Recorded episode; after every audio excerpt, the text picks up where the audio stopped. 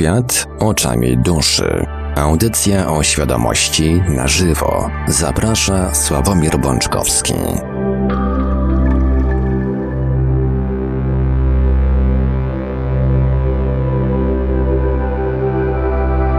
Witajcie bardzo gorąco i serdecznie. W Radio Paranormalium mamy poniedziałek, 13 lipca 2020 roku.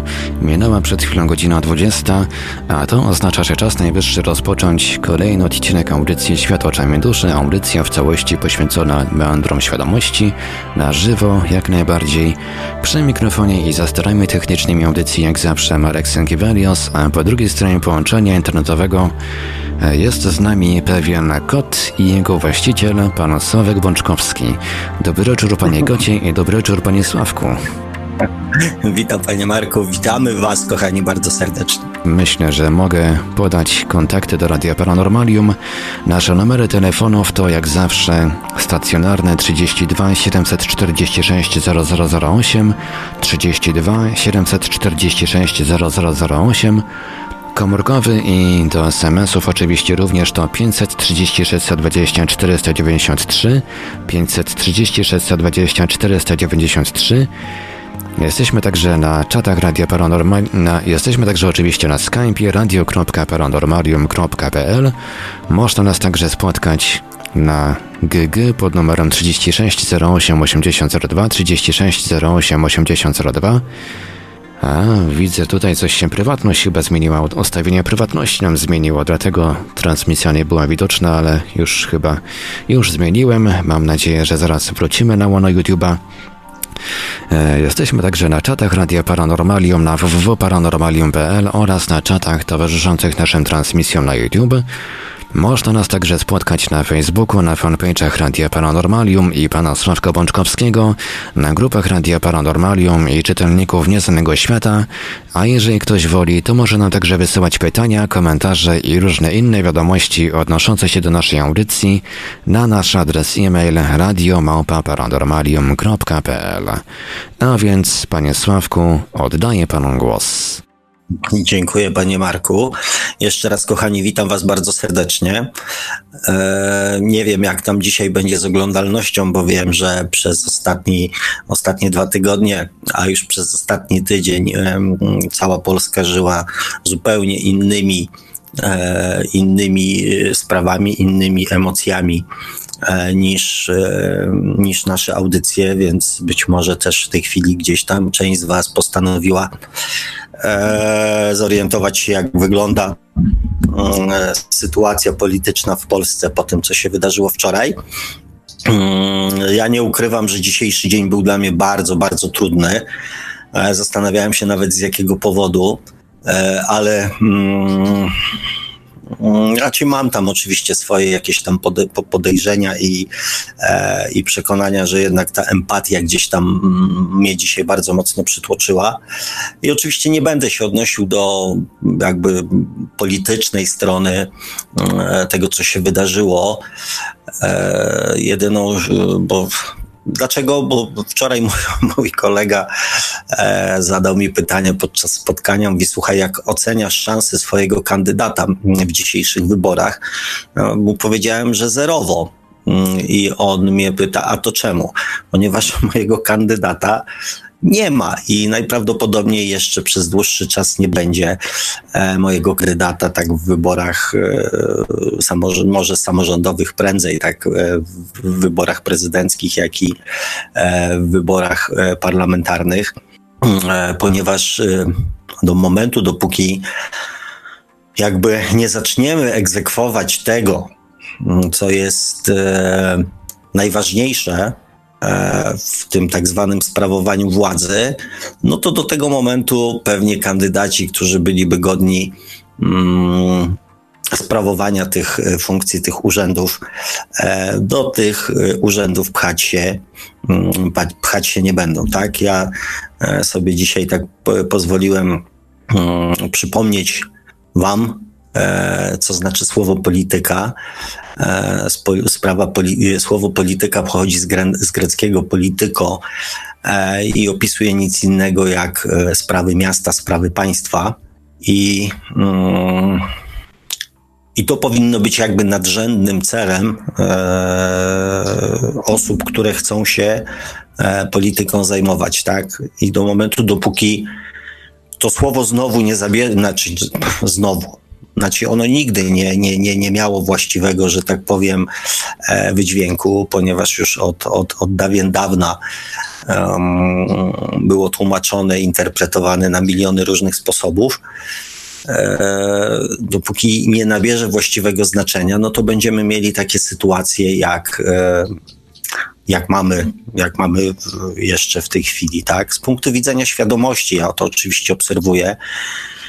I to, co się wydarzyło, pokazuje mi, mm, że jednak mimo wszystko e, ludzie w dalszym ciągu chcą budować swoją świadomość poprzez negatywne doświadczanie. I to jest to, co mnie tak dzisiaj bardzo mocno gdzieś tam przytłoczyło, może też zawiodło. Tak myślałem, że jednak ten poziom świadomości e, już jest, e, już jest na innym poziomie. E, no, no jest jak jest, tak? Tutaj nie ma nad czym za specjalnie dyskutować. Po prostu mamy taką, a nie inną sytuację. E, I, no i cóż, i nie pozostaje nic innego, jak e, powolutku robić swoje. Mm, I no i tyle, tak. No. E, aczkolwiek nie ukrywam, że mm, mój entuzjazm jakby w, w sposób znaczący gdzieś do tego, co, co robię, co staram się robić w sposób znaczący osłab, tak. Nie ukrywam, że też po ostatniej audycji Mm, śledząc sobie jeszcze te komentarze, które tak y, na koniec audycji przeleciałem troszeczkę po łebkach ze względu na godzinę, e, analizując i przypominając moje rozmowy telefoniczne ze słuchaczami, bardzo fajne zresztą i, i chciałbym, żeby tych rozmów było jak najwięcej. E, natomiast no, one poniekąd też mi uświadamiają trochę mm, sytuację, miejsce, w którym jesteśmy, kochani. I E, no i niestety, niestety, ale mm, coś, co wraca w moich rozmowach e, z ludźmi, e, coś, co też pojawiło się w komentarzach pod ostatnią audycją, tak, pokazuje mi jedną rzecz, że w tych wszystkich rozmowach, czy tam większości rozmów, większości tego, co czytam, większości tego, o czym wy mnie, o co wy mnie pytacie, pojawia się taka niewątpliwa potrzeba znalezienia i zrozumienia czynników zewnętrznych, e, które wpływają na nasze życie. Czynników zewnętrznych. Takim czynnikiem zewnętrznym był od dawna, byli, e, kiedyś była natura, która w jakiś sposób warunkowała, mm, że tak powiem, życie ludzi. Później były przeróżne bóstwa związane z tą naturą, e, związane z kosmosem. E, później tych bóstw się zrobiło troszeczkę mniej. E, została, zostały ograniczone do kilku, które funkcjonują jeszcze w tej chwili na świecie, i cały czas te boskie czynniki mm, próbujemy zrozumieć i w jakiś sposób od od nich e, może nie to, że uzależnić, bo to, to by było nawet fajne, gdybyśmy od nich uzależniali nasze życie, tak? Natomiast często my pozostajemy jakby mm, w roli obserwatora i, osoby i, osób chcących zrozumieć, natomiast i tak pewne mm, decyzje pozostawiamy w ich rękach. Próbujemy te decyzje zrozumieć, ale jakby uważamy, że nie mamy na to żadnego wpływu i i, i, i to te e, bóstwa e, Bóg decyduje o naszym życiu, tak? Tych czynników zewnętrznych jest, jest więcej. To jest dusza, to są czasami ludzie tam w kronikach Akaszy się czegoś doszukują, w przeznaczeniu, w innych bytach, czy wręcz w innych cywilizacjach, które decydują o naszym życiu.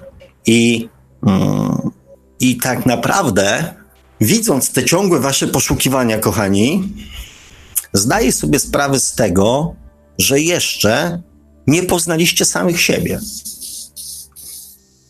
I w związku mm, pomiędzy mm, waszymi myślami, emocjami, e, a tym, jak, co one wywołują, jakie skutki wywołują w waszym życiu.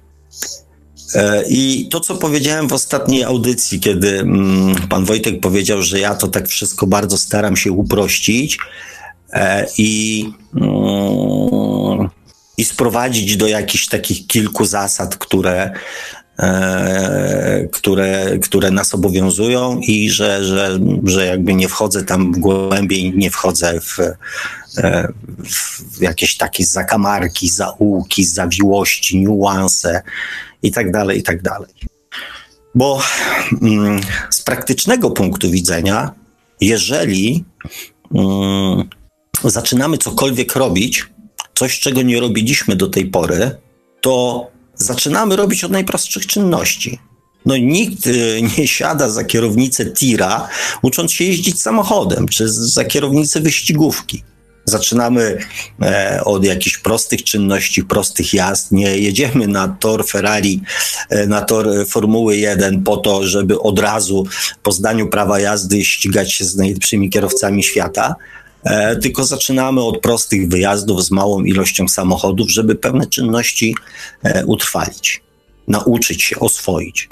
Jeżeli próbujemy coś naprawić, E, to słuchajcie, nie, nie, nie, nie porywamy się na naprawę, nie wiem, e, statku kosmicznego, e, tylko zaczynamy od jakichś prostych rzeczy. W każdym zawodzie, w każdej czynności zaczynamy od czegoś, co jest prostsze. I też jak właśnie chociażby coś naprawiamy, to staramy się wyeliminować te rzeczy, które są jakby najprostsze do zrobienia. I czemuż w życiu e, próbujemy działać zupełnie odwrotnie. Spróbujmy zrobić i wyeliminować najpierw to, zrozumieć, poznać, najpierw to, co jest jak najbardziej w, nasym, w naszym zasięgu.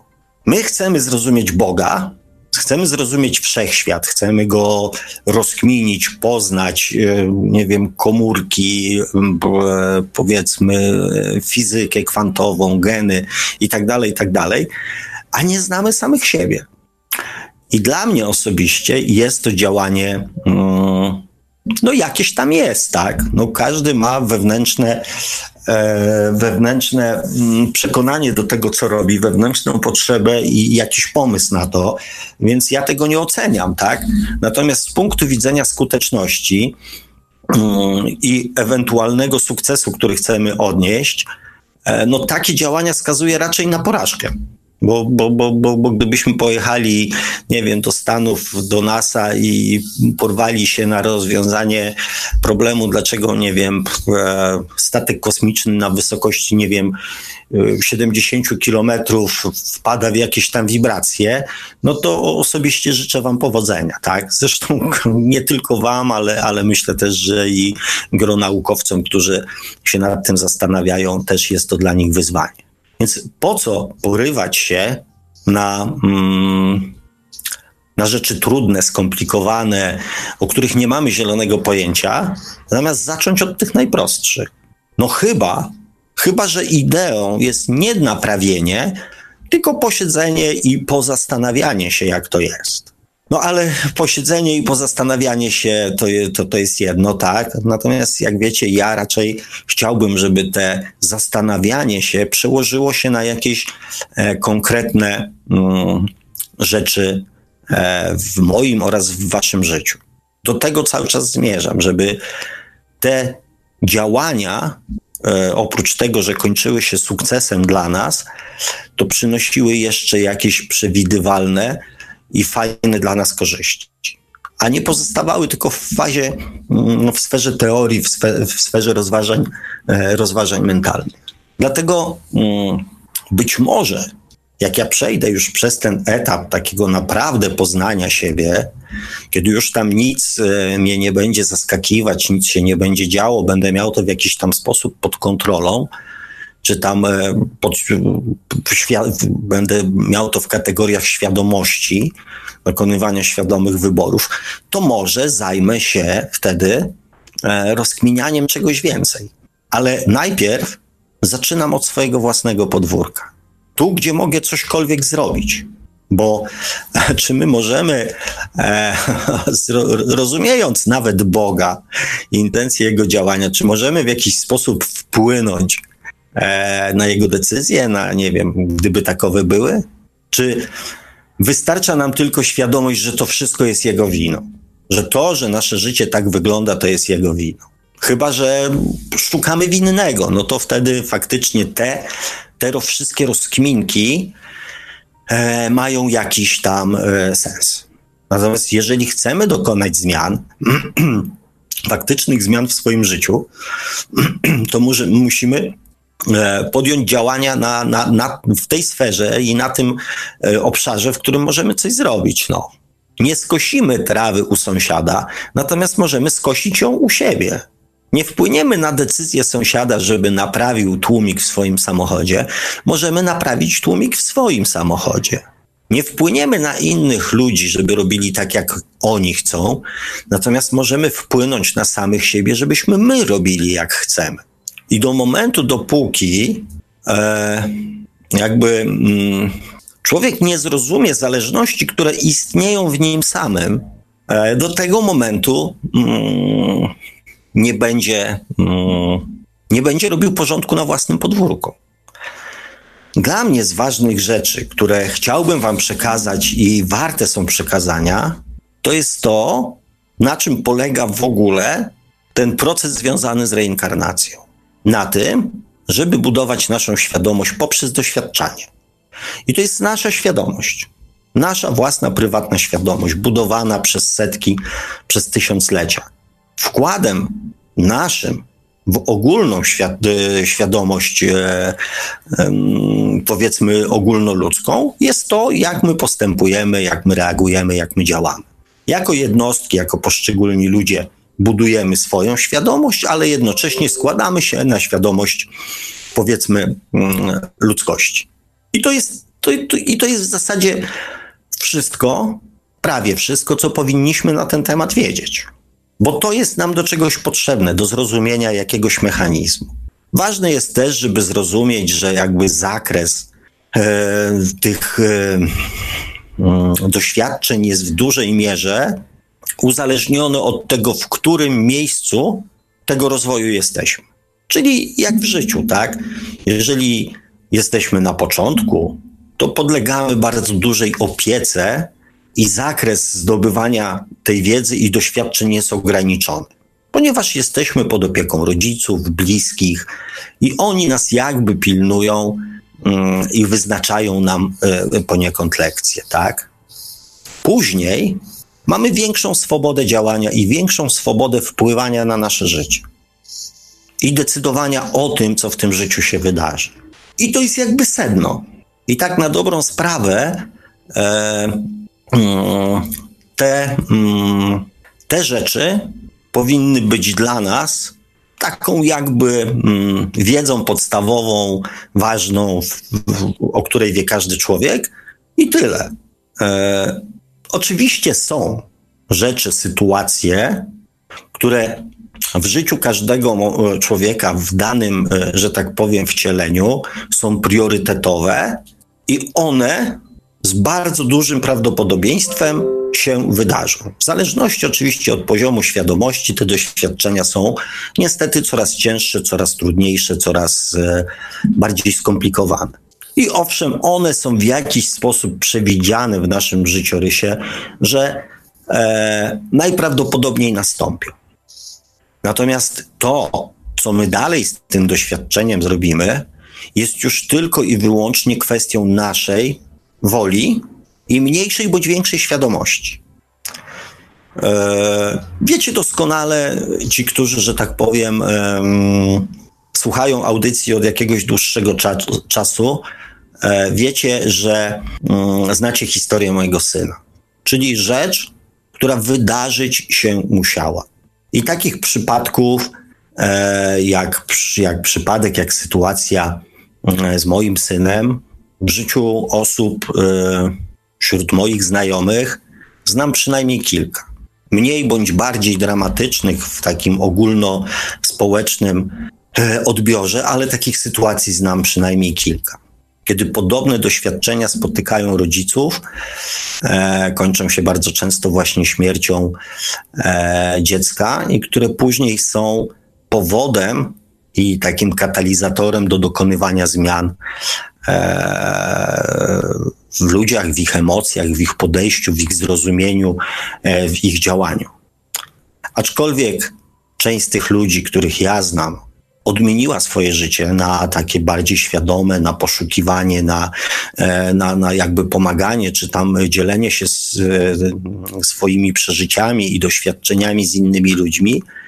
Ale znam też ludzi, którzy resztę swojego życia po takich przejściach spędzili w sądach, e, spędzili na terapiach, spędzili mm, w otoczeniu całych tych negatywnych emocji związanych z poczuciem właśnie winy, z poczuciem kary, z, po, z poczuciem olbrzymiego nieszczęścia, które ich dosięgło. I to jest właśnie ta różnica, że doświadczenie jest bardzo podobne i spotyka bardzo dużo osób, a to, co dalej z tym doświadczeniem zrobimy, jest już uzależnione tylko i wyłącznie od nas. I to jest coś, co albo nas rozwija, albo powoduje, że nasze życie staje się po prostu mm, jednym wielkim koszmarem, jednym wielkim cierpieniem, jedną wielką e, falą złości, nienawiści i pretensji do całego świata. I to poniekąd w momencie, kiedy zaczynamy rozumieć samych siebie, bądź zaczynamy rozumieć e, ten mechanizm, e, daje nam możliwość dokonania wyboru, jaką drogą e, będziemy chcieli pójść. I to powinno być, e, i to powinno być e, dla nas istotne. Na tej wiedzy powinniśmy skupiać swoją uwagę. Nie wiem, czy tak dokładnie, bo, bo czy można coś z tym zrobić? Czy można pewnych doświadczeń uniknąć? Czy one są, że tak powiem, e, na, mm, na stałe wyryte w naszym, nie wiem, przeznaczeniu? Na 100% wam nie odpowiem. Natomiast ja byłem bliski temu, żeby tego doświadczenia uniknąć. Ponieważ e, mój syn, nasz syn, bo nasz syn, tak, czyli syn mój i mojej żony, e, miał rolę do spełnienia względem nas obydwojga. A ja, znając swoją żonę, jeszcze przed wojskiem, będąc parą, rozstaliśmy się w momencie, kiedy ja poszedłem do wojska. I po wyjściu z wojska my nie byliśmy parą. I było blisko tego, żebyśmy nigdy nie byli małżeństwem. Że nasze drogi z powrotem by się nie zeszły, i mm, w tym momencie nie wiem, jaka byłaby decyzja, e, jaka byłaby decyzja mojego syna. Czy pojawiłby się na przykład tylko w moim życiu, czy pojawiłby się w życiu mojej żony, czy w ogóle by się nie pojawił. Ponieważ jego rola dotyczyła nas obydwojga w różnym zakresie, w różny sposób, ale dotyczyła nas obydwojga. Dzięki temu, że byliśmy razem, jakby on za jednym zamachem mógł załatwić e, dwie osoby. Załatwić dwie osoby, jakkolwiek by to nie zabrzmiało, e, to w prosty sposób ujmując, tak właśnie było, tak. Ja jestem dzisiaj z wami, siedzę i rozmawiam. E, ponieważ, e, tak jak Wam mówiłem, był tym katalizatorem do tego, żebym zaczął się zastanawiać dlaczego. Żebym e, zaczął w sobie szukać odpowiedzi, po to, żeby zrozumieć, że w zasadzie znałem jej, zanim ta cała historia się wydarzyła. Tak? Zresztą moja żona też dokładnie, jak się później okazało, wiedziało, że ta historia nastąpi, że ta sytuacja będzie miała miejsce. E, I, i mam, mamy na to obydwoje, że tak powiem, dowody, że e, nawet przy wyborze imienia, mm, nawet przy wyborze imienia e, nie pojawiło się imię, które mm, mojej żonie kojawi, kojarzyło się z dzieckiem niepełnosprawnym. Nie chciała tego imienia, tak jakby chcąc, zaczarować rzeczywistość, mm, że jeżeli nie da tego imienia, to nie wydarzy się to, co ona czuła, że się wydarzy. Więc e, my wiedzieliśmy o tym dużo wcześniej, że ta sytuacja, e, czy tego typu sytuacja będzie miała miejsce. Więc mówię, być może. Być może w tym wcieleniu ja bądź ona byśmy nie doświadczyli tego, e, czego żeśmy doświadczyli, co nie zmienia faktu, że te doświadczenia na przykład nie byłyby inne, e, i nie wiadomo, jak to życie by wyglądało, bo nie jest powiedziane, że ono byłoby, nie wiem, na przykład lepsze. Więc owszem, są sytuacje, które jakby planujemy sobie do przeżycia, natomiast cała reszta zależy w większości od nas. I kochani, dopóki e, nie dojdziemy do wspólnego porozumienia, że my nie mamy niczyjej innej świadomości niż swoją własną. Przez cały okres, e, że tak powiem, tworzenia tej świadomości, która jest zapisana w duszy, to jest cały czas nasza świadomość. My nie dostajemy niczyjej innej świadomości. My nie kontynuujemy nauki mm, innych osób. My nie zbieramy cięgów za postępowania innych osób w innych wcieleniach. Bo tak jak w tym wcieleniu mamy wpływ na to, co zrobiliśmy, zrobiliśmy zrobimy, e, bądź zrobiliśmy, robimy, bądź będziemy robić, tak w poprzednich wcieleniach też mieliśmy na to wpływ. I to jest już nawet logiczne, nie żaden duchowy, tylko logiczny ciąg pewnych wydarzeń, które miały miejsce, na które mieliśmy cały czas wpływ. I w dalszym ciągu mamy wpływ. I pewne rzeczy, które dzieją się w naszym życiu, decydują o tym, co będzie dalej. To my decydujemy, co będzie dalej. Dlatego mm, cały czas e, próbuję Wam to mm, w przeróżne sposoby przedstawić, żebyście, jeżeli chcecie mieć wpływ na to, co będzie się działo w Waszym życiu, żebyście skupili się na samych sobie. Nie na bytach, nie na pff, wszechświecie, nie na Bogu, tylko na samych sobie. Bo tylko to daje Wam nadzieję, Wam, mi, każdemu człowiekowi na to, że będziecie mieli, będziemy mieli świadomy wpływ na to, co się wydarzy jutro, za tydzień, za miesiąc, za rok i w następnym wcieleniu. Dzisiaj, teraz, w tym momencie tworzymy naszą przyszłość. Znaczy, każdy tworzy swoją. Owszem, ona tam w pewien sposób jest spleciona e, z losami innych ludzi, ale przede wszystkim w tej chwili każdym momencie decydujemy o tym, co będzie się działo w naszym życiu. Nie wiem, czy e, sytuacja, czy rola, którą każdy z nas ma, która umożliwia mm, uniknięcia nieprzyjemnych rzeczy, a zapewnienia sobie przyjemnych rzeczy, rzeczy w życiu, jest warta poświęcenia temu trochę czasu, trochę uważności. Nie wiem, czy z waszego punktu widzenia warto się tym zajmować? Czy warto temu poświęcić trochę czasu? To jest dla mnie taki fenomen, którego mm, może nie to, że nie, nie, nie, nie potrafię zrozumieć, e, bo to jakby nie jest w kategoriach mm, zrozumienia. Bo, bo ja znam siebie, znam swoje życie, e, wiem, co robiłem 20 lat temu, 40 lat temu, tak? Wiem. Wiem, ile rzeczy, e, że tak powiem, e, jakie rzeczy wpłynęły na to, jak wyglądało moje dalsze życie i jak wygląda moje życie w dniu dzisiejszym. I ja dlatego tak dużą wagę przykładam do tego, żeby e, jak najbardziej świadomie już w tej chwili generować swoją przyszłość, tworzyć swoją przyszłość.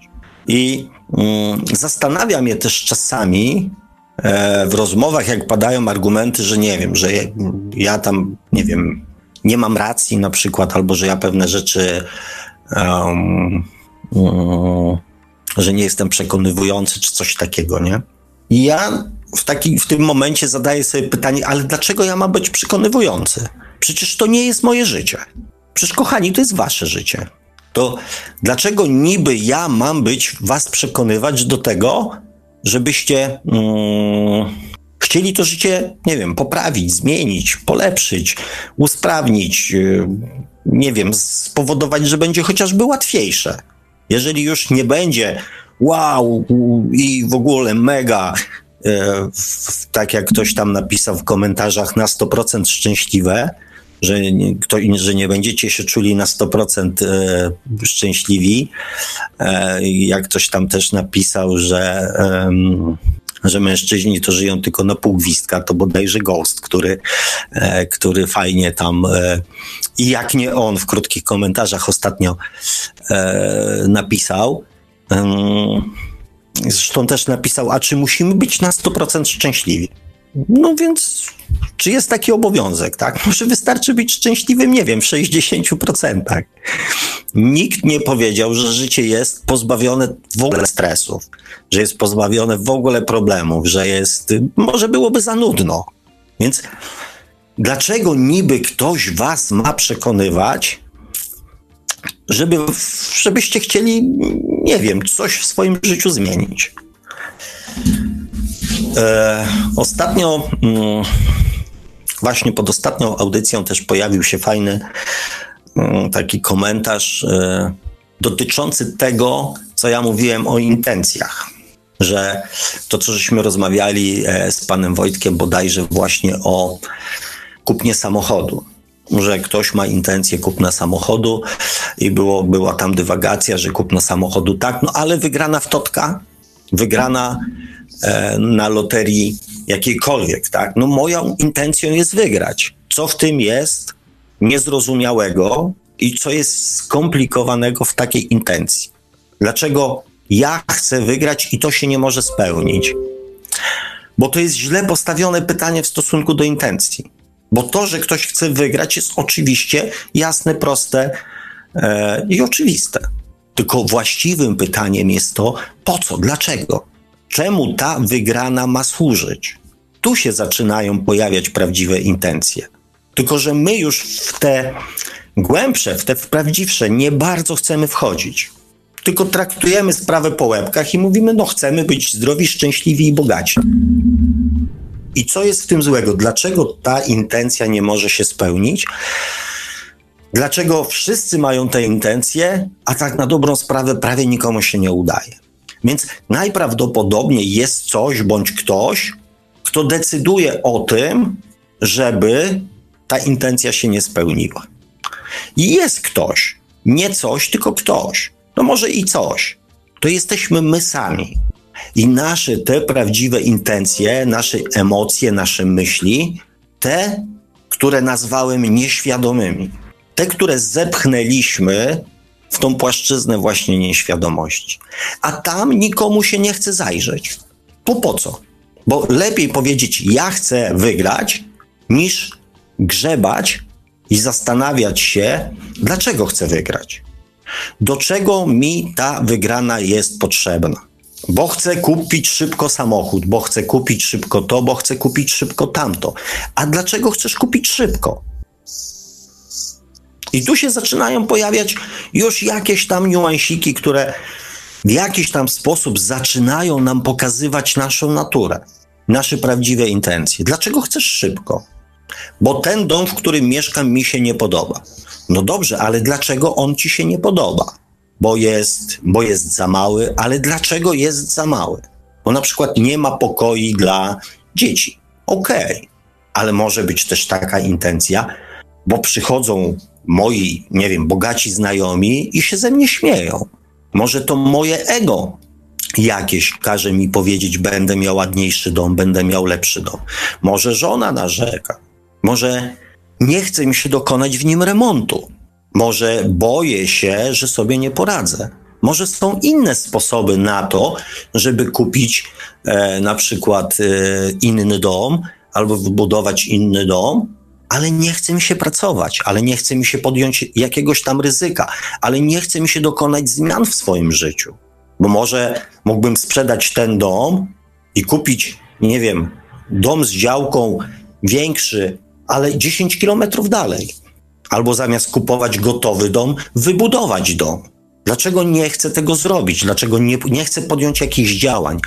To, co powiedziałem panu Wojtkowi, że my chcemy czegoś, Natomiast bardzo często nie jesteśmy gotowi na podjęcie działania.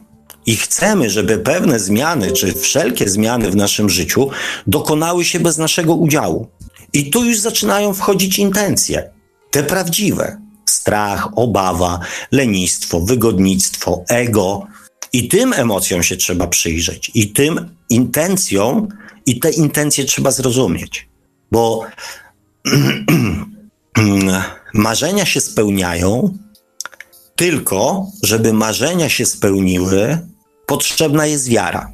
I nie chodzi mi o taką wiarę, chociaż trochę chodzi, że wiara góry przynosi. Gdybyś miał wiarę, to byś tam coś tam, tak? Czyli ta wiara taka, e, która jest często utożsamiana z, z religijnością, tak? Z jakąś wiarą w sensie ideologicznym. A mi chodzi o wiarę, że to, czego chcemy, do czego dążymy, co jest naszym marzeniem, się spełni. Wiecie, na czym taka wiara polega? Eee, pewnie opowiadałem, ale jest część nowych słuchaczy, więc opowiem. Eee, 20 parę lat temu, prawie 30, w momencie, kiedy e, urodził się właśnie Marcinek, mm, my z żoną mieszkaliśmy w takim małym, fajnym, wynajętym, e, zgrabnym domeczku. Był przesympatyczny domeczek. E, jak wtedy z tą dwój, z dwójką dzieci było podwórko, no było fajnie. Mm, zresztą też był blisko teściów, blisko rodziców, więc e, mogliśmy w razie czego też na ich pomoc liczyć bez jakiegoś tam e, karkołomnych wyczynów. I było fajnie. W momencie, kiedy wynajmowaliśmy ten domek, właściciel powiedział: A, możecie mieszkać ile chcecie, nie ma problemu. To ja sobie to trzymam, to sobie będzie stało, to po mojej matce, niech sobie będzie. My to wynajęliśmy bodajże w lipcu, mm, a w listopadzie przyjechał do nas i powiedział, że sorry, e, ale jego córka właśnie niespodziewanie zupełnie wyszła za mąż i na wiosnę będą się tutaj budować. Ale my oczywiście możemy tutaj mieszkać. E, oni tylko tam na środku pieprzną taki wielki wykop, nawiozą materiałów, będą chodzili, e, że tak powiem, e, będą pracowały ekipy, my będziemy pilnowali materiału, otwierali im bramy, zamykali. I oczywiście z tą dwójką dzieci możemy sobie spokojnie na tej budowie mieszkać, tak? Więc, więc siłą rzeczy stwierdziliśmy, że no, sorry, ale to raczej nie jest nasze marzenie. E, I ja wtedy powiedziałem, że ja będę szukał mieszkania, żebyśmy się e, z tego domku mogli wyprowadzić już mm, do swojego własnego mieszkania. Powiem Wam tak, moja żona wtedy nie pracowała, nie było 500 plus więc pracowałem tylko ja. E, zresztą notabene mm, na okoliczność tego, mm, żeby uspokoić sytuację, jak, jak e, Marcinek się urodził, żeby zapewnić jakieś stało źródło dochodu, poszedłem do pracy do, e, do magazynu, do mojego kolegi. Żeby był stały dochód, żeby żona miała z czego, że tak powiem, miała spokój, że będziemy mieli z czego żyć. Ja zacząłem szukać tego mieszkania. Moja siostra zadzwoniła, mówi: Słuchaj, tam jest takie coś, ogłoszenie. E, zadzwo, podesłała mi numer telefonu, zadzwoniłem. Mm, chciałem powiedzieć Wam, że to było w czasach, kiedy nie było telefonów komórkowych, tak? E, zadzwonił, mówiłem się z ludźmi. A, tak a propos, ja sam pracowałem na jednej pensji. E, byliśmy powiedzmy dwa lata po ślubie, może dwa i pół, więc nie zdążyliśmy się tutaj jakichś kokosów dorobić, więc nie mieliśmy ani odłożonych pieniędzy, ani jakiegoś majątku, ani niczego takiego. Jedyne co, to miałem książeczkę mieszkaniową, którą rodzice mi tam kiedyś założyli, natomiast pieniądze na tej książeczce były bardzo symboliczne, tak. I to było jedyne coś, co, co wiedzieliśmy, że mamy, tak? I ja pieniądze na zakup tego mieszkania, mm, na zakup, na zaliczkę, pożyczałem właśnie od tego swojego kolegi szefa, ponieważ nie mieliśmy pieniędzy. Natomiast determinacja, chęć, intencja i wiara, że damy sobie radę, że jakoś ogarniemy ten temat, że coś się wydarzy, była tak wielka, że ja się nawet nie zastanawiałem. Pożyczyłem pieniądze na kupno swojego własnego mieszkania, na zaliczkę, przepraszam, na zaliczkę od swojego szefa. A później usiedliśmy Mieliśmy tam już jakieś ustalone terminy następnych spłat i tak dalej, i tak dalej. I zaczęliśmy się zastanawiać, co się wydarzy. Skąd wziąć resztę pieniędzy? Żadne z nas nie pochodziło z jakiejś bardzo bogatej rodziny, która miałaby poodkładane, że tak powiem, jakieś miliony złotych e, i po prostu stryknęła z palca, wyjęła z konta i powiedziała: Macie dzieciaki. Natomiast tak, jedni rodzice i drudzy rodzice mm, jakoś tam troszeczkę pomogli. E, co nie mogli, to napożyczali po rodzinie pieniędzy. E, my napożyczaliśmy też, ja napożyczałem też pieniędzy. E, po prostu byliśmy totalnie, ale to totalnie zapożyczeni, wszyscy. I tylko ja pracowałem. To był 93 rok. Mm, mój tata już wtedy był bardzo ciężko chory, zresztą w 95 roku zmarł. E, więc to były dwa ostatnie lata jego, że tak powiem, e, jego życia, więc on już nie był ani aktywny zawodowo. Moja mama też miała, że tak powiem, na głowie e, chorobę taty. No więc to nie był taki prosty, że tak powiem, okres w naszym życiu, tak. Zresztą notabene w następnym roku mój wuj ochrzestny miał bardzo ciężki wypadek. Więc e, w 94 roku, jak Marcinek zachorował, mój tata zresztą razem z nim leżeli, on leżał, jeden leżał na pediatrii, drugi leżał na, e, na chirurgii, e, wujo leżał gdzieś tam jeszcze i spotykaliśmy się pomiędzy szpitalami a, a kościołami, tak? To był 94 rok, czyli pierwszy rok, kiedy my, że tak powiem, wprowadziliśmy się do mieszkania, gdzie byliśmy totalnie zadłużeni i wszystko zaczęło się w koło sypać. I powiem wam tak, 1 listopada czy 2 przyjechał pan od y, mieszkania, a my 20 bodajże 2 czy 3 grudnia podpisywaliśmy akt notarialny na zakup mieszkania. Trwało to wszystko troszeczkę ponad półtorej miesiąca. Poszukiwania, ustalania, zbierania pieniędzy do podpisania aktu notarialnego półtora miesiąca mm, nasze życie jakby zupełnie uległo zmianie. Od zera do milionera, jak to mawiali. Więc, e, kochani, mm, żeby intencje, nawet te e, najfajniejsze, najczystsze, e, najbardziej dobre się spełniły, potrzebna jest nasza wiara i wykonanie pierwszego ruchu. Do momentu, dopóki my czekamy i uzależniamy podjęcie jakichś swoich działań od tego, co się wydarzy, czyli mm, jeżeli będę miał to, to wtedy zrobię tamto, jeżeli będę miał pieniądze, to kupię dom, to nie wykazujemy się w tym momencie swoją wiarą, bo nie wierzymy w to, że będziemy mieli te pieniądze. I w ten sposób blokujemy sobie jakby dostęp do tego, żeby ktoś w jakikolwiek sposób mógł nam pomóc i umożliwić zdobycie tych pieniędzy. Zorganizowanie, pożyczenie, zarobienie. Pomysłów może być całe mnóstwo, tak? I jeżeli nie rozumiemy tych zależności, tych zależności, które są w nas, my mówimy, mi się ta intencja nie spełnia. Ja, e, hmm, ja bym chciał, ona jest słuszna, ona jest dobra, bo ja chcę poprawy, nie wiem, sytuacji mojej rodziny, moich bliskich, swojej, tak? Ale jednocześnie ja nie podejmując żadnego działania, sam pokazuję, że nie wierzę w to, że ta intencja się spełni. To jest zrozumienie swoich własnych intencji. A my często ograniczamy się tylko i wyłącznie do chcenia. Do chcenia bądź niechcenia. I później mówimy, intencje i marzenia się nie spełniają, bo my tylko chcemy.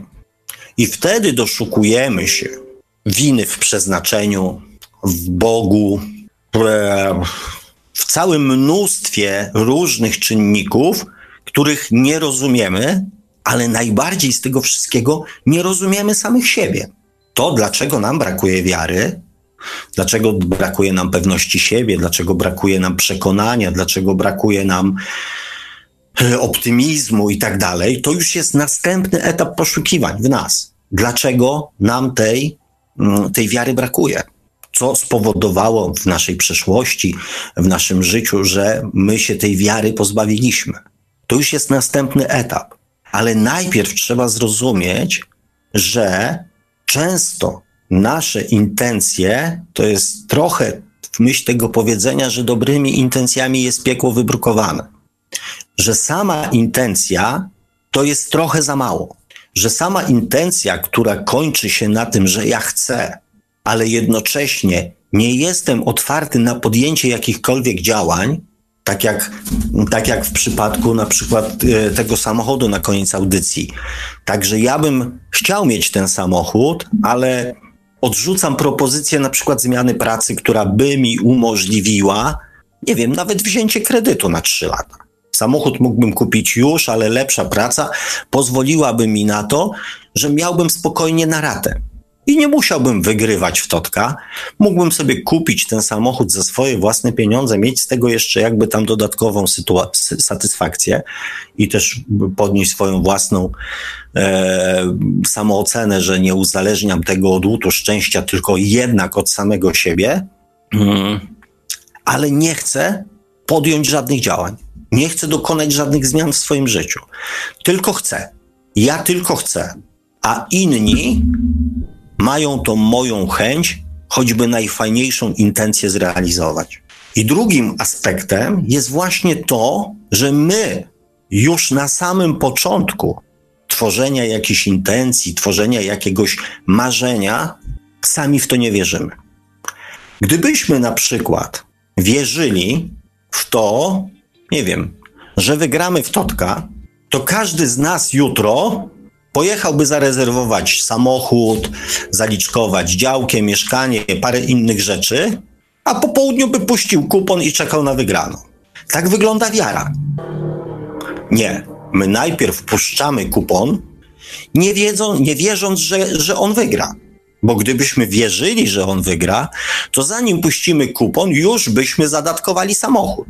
A później mamy pretensje, że nie wygraliśmy, że intencja była. Intencja była, żeby wygrać, tylko zbrakło wiary. Wiary w to, że możemy wygrać, że wygramy. I to jest mechanizm, który jest w nas.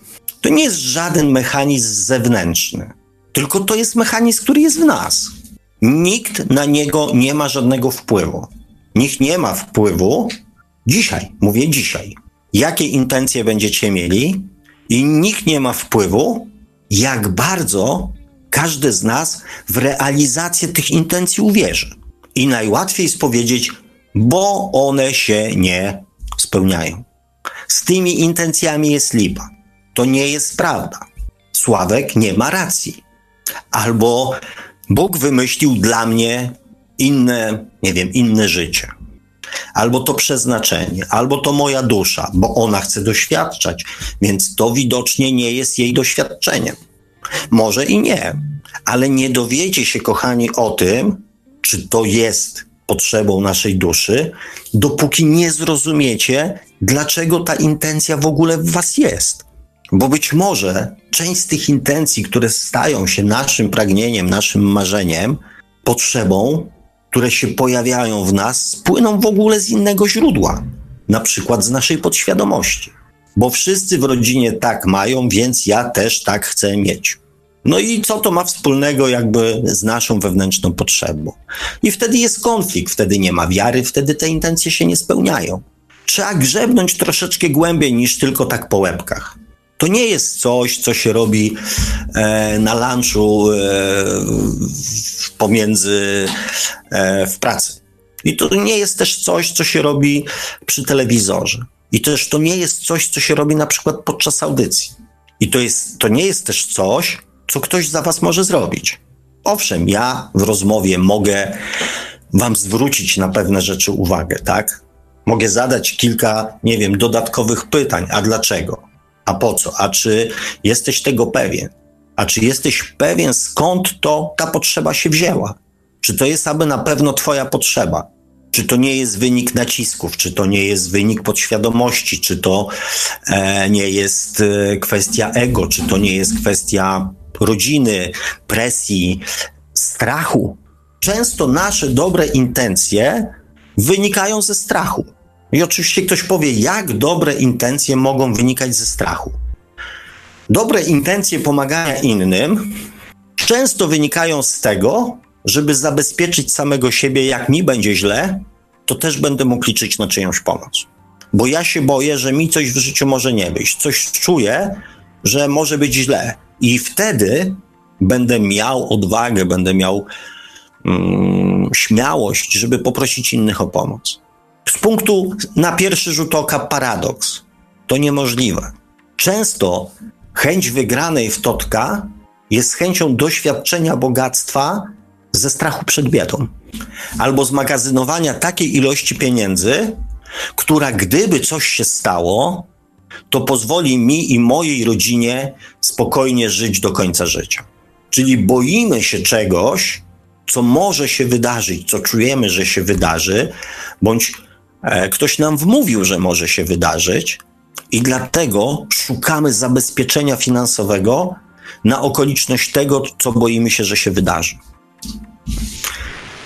Dobra intencja posiadania pieniędzy wynikająca ze strachu, z obawy, z lęku. I takich sytuacji w każdym z nas jest bardzo wiele. Dobre intencje często wynikają z niskiej samooceny. Często pracowitość, nadmierna pracowitość jest chęcią poprawy swojej samooceny albo zniwelowania swojej niskiej samooceny. Zniwelowania, bo często nie mamy świadomość, że ta samoocena jest niska. Wydaje nam się, że jest wszystko ok, a tak naprawdę cały czas coś komuś próbujemy udowodnić. I w ten sposób dążymy do jakichś, do ciągłych suk sukcesów. Ciągle próbujemy podnosić poprzeczkę i udowadniać sobie, że jesteśmy, e, że jesteśmy dobrzy. I to są sytuacje, które siedzą w nas. I do momentu, dopóki, kochani, nie pochylimy się nad tym i nie zrozumiemy, co tam się w środku tak naprawdę nas dzieje, do tego momentu będziemy szukali naokoło przyczyn takiego, a nie innego naszego życia. I tyle. I dlatego ja, ja wiem, że ja się powtarzam. To znaczy, ja wam powiem tak, ja też jestem e, tym powtarzaniem tak jakby trochę, mm, trochę znużony. Ale jeżeli e, ciągle pojawiają się jakby podobne pytania, to, mm, to nie pójdziemy dalej.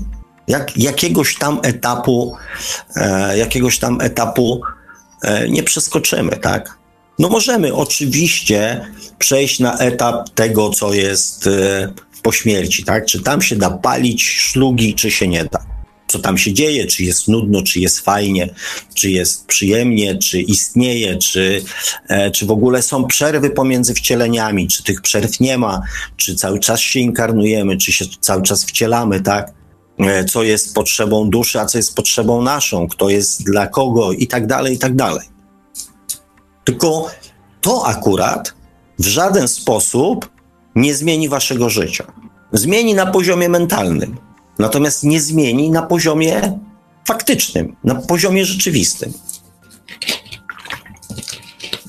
Jeżeli, przepraszam, jeżeli chcemy, mm, znaczy, jeżeli wy chcielibyście, żebym ja mm, poświęcał audycję, przepraszam, na teoretyzowanie. To znaczy, część i tak uznajecie z pewnością za E, z tego, co ja mówię, za teorię.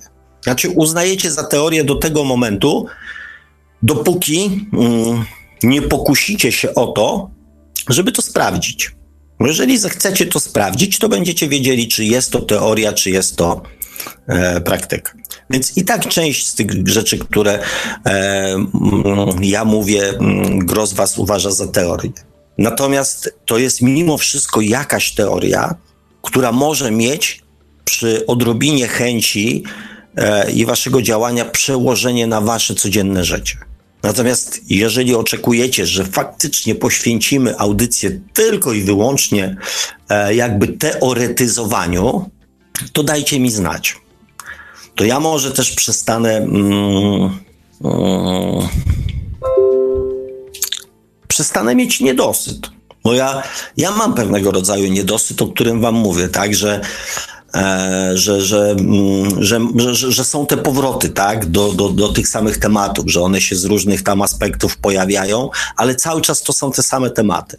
Może po prostu ustalmy, że poświęcamy tam, nie wiem, godzinę czy, e, czy półtorej, e, czy dwie na przykład e, w tygodniu na to, żeby gdzieś tam, nie wiem, poteoretyzować. I wtedy okej, okay, ja, ja, ja się tam nie będę jakoś ten, przygotuję jakieś tam e, materiały, które, e, którym będziecie mogli poświęcić swoją uwagę, a które tak naprawdę w żaden sposób e, nie. Mm, czy tam w jakiś znaczący sposób nie wpłyną na wasze życie. Ja niestety jestem, niestety, niestety ze swoim uporem, e, który cały czas zmierza do tego, żeby tworzyć e, narzędzia praktyczne. Tak, jak, jak kiedyś, tak? Jeżeli coś się tworzyło, to to musiało mieć jakieś przeznaczenie. Nikt nie poświęcał swojego czasu e, znaczy nikt, no, większość ludzi nie poświęcała swojego czasu na tworzenie czegoś, co, co się nikomu do niczego nie przyda. To my żyjemy w tej chwili w takich czasach, gdzie tworzy się mnóstwo rzeczy, które się tworzy, a później się przekonuje ludzi, że one są im do czegoś potrzebne. Kiedyś e, ludzie tworzyli rzecz, która miała w jakiś sposób usprawnić e, życie poprawić jakość tego życia, e, w czymś pomóc, e, a nie być sama w sobie. A my w tej chwili, mówię, żyjemy w czasach, kiedy produkuje się mm, coraz to nowsze rzeczy, e, które mm, i później nam się wmawia, że one poprawią jakby jakość naszego życia. No i pewnie część ludzi poprawia sobie w ten sposób jakość życia, e, mówiąc, że posiada tą rzecz, więc czuje się bardziej, nie wiem, wartościowa e, i, nie wiem, lepsza w jakiś sposób wyjątkowa, ponieważ tą rzecz posiada, tak? Natomiast czy ona faktycznie aż tak bardzo w taki dramatyczny sposób wpływa, dramatyczny w sensie pozytywnym, na poprawę jakości naszego życia, tak jak e, powiedzmy e, te coraz nowsze smartfony, tak, które po prostu robią już wszystko i skracają dostęp do, nie wiem, internetu e, z sekundy do pół sekundy. I to jest warte wydaniu miliardów, nie wiem, dolarów na to, żeby taki e, telefon sprzedać, wyprodukować, wymyśleć, opracować i tak dalej, i tak dalej. Być może tak jest, a być może po prostu daliśmy sobie to wymówić, że tak właśnie jest. Więc powiedzmy, że czasy, które sami sobie stworzyliśmy, e, dając też przyzwolenie innym osobom na ingerencję w nasze stany emocjonalne, w nasze stany umysłowe, w nasze stany mentalne, w nasze stany materialne też. Czy one nie spowodowały właśnie tego, że gdzieś um, straciliśmy rachubę i rozeznanie, co jest tak naprawdę nam potrzebne? Czy to, o czym kiedyś tam mówiłem, czy wiedza, którą próbujemy zdobyć, jest nam do czegoś potrzebna? Czy czas, który poświęcamy na odkrycie i zdobycie tej wiedzy, jest wart tej wiedzy, którą później zdobędziemy. Czemu ta wiedza później ma służyć, a czy ten czas, który poświęciliśmy na to, był wart tego, żeby, um, żeby tą wiedzę posiąść. Zostawiam to oczywiście w, um, do Waszych wewnętrznych um, jakichś tam roz, rozmyślań i analiz.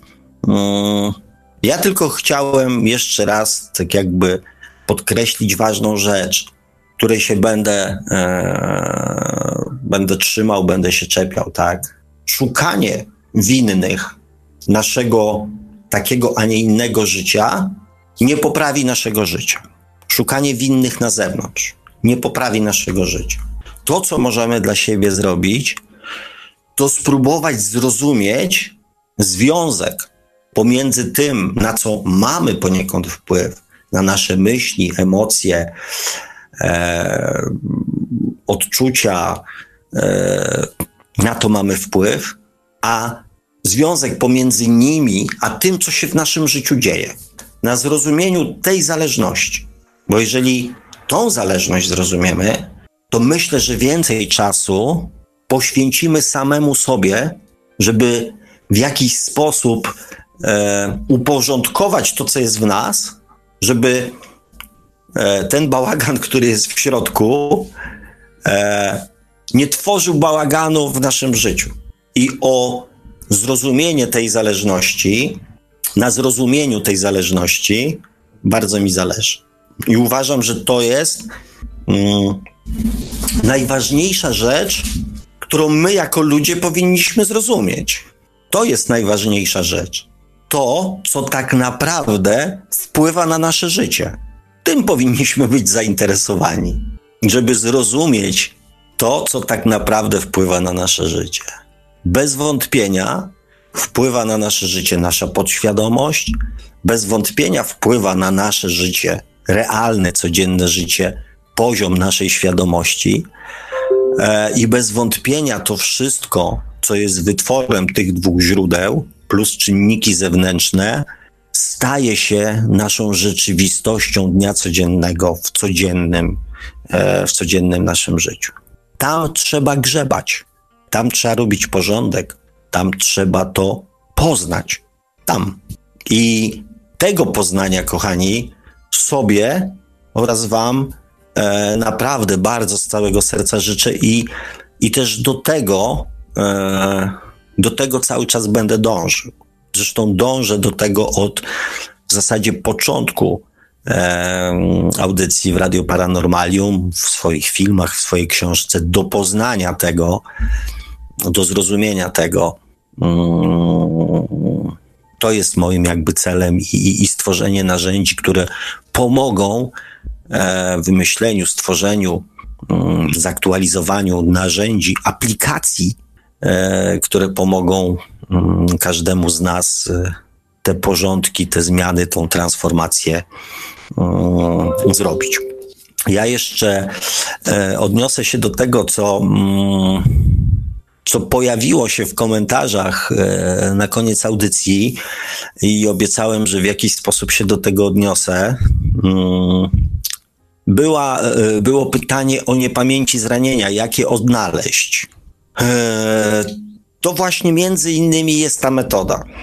To właśnie jest metoda poznania swoich własnych intencji, zrozumienia samego siebie i zrozumienia, dlaczego często my sami siebie ranimy. My sami sobie wyznaczamy kary. E, my sami sobie e, uprzykrzamy życie. I e, ja to doskonale obserwuję w życiu codziennym. W momencie, kiedy e, rozmawiam z człowiekiem i mm, zaczyna się to takie właśnie ranienie samego siebie, mówienie o sobie w negatywach mówienie o swoim życiu w negatywach, e, mówienie o swojej sytuacji w negatywach.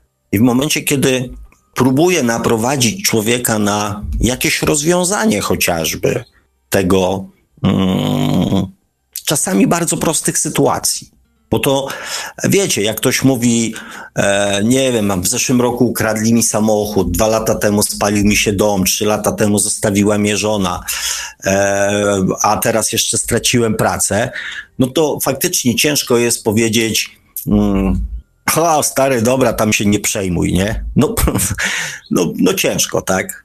Natomiast e, mm, w tych prostych sytuacjach, takich życiowych, kiedy ktoś mówi, o kurde, tam nie wiem, coś tam się wydarzyło, nie wiem, tam gumę złapałem, czy, czy, czy nie wiem, koło rozwaliłem, tak?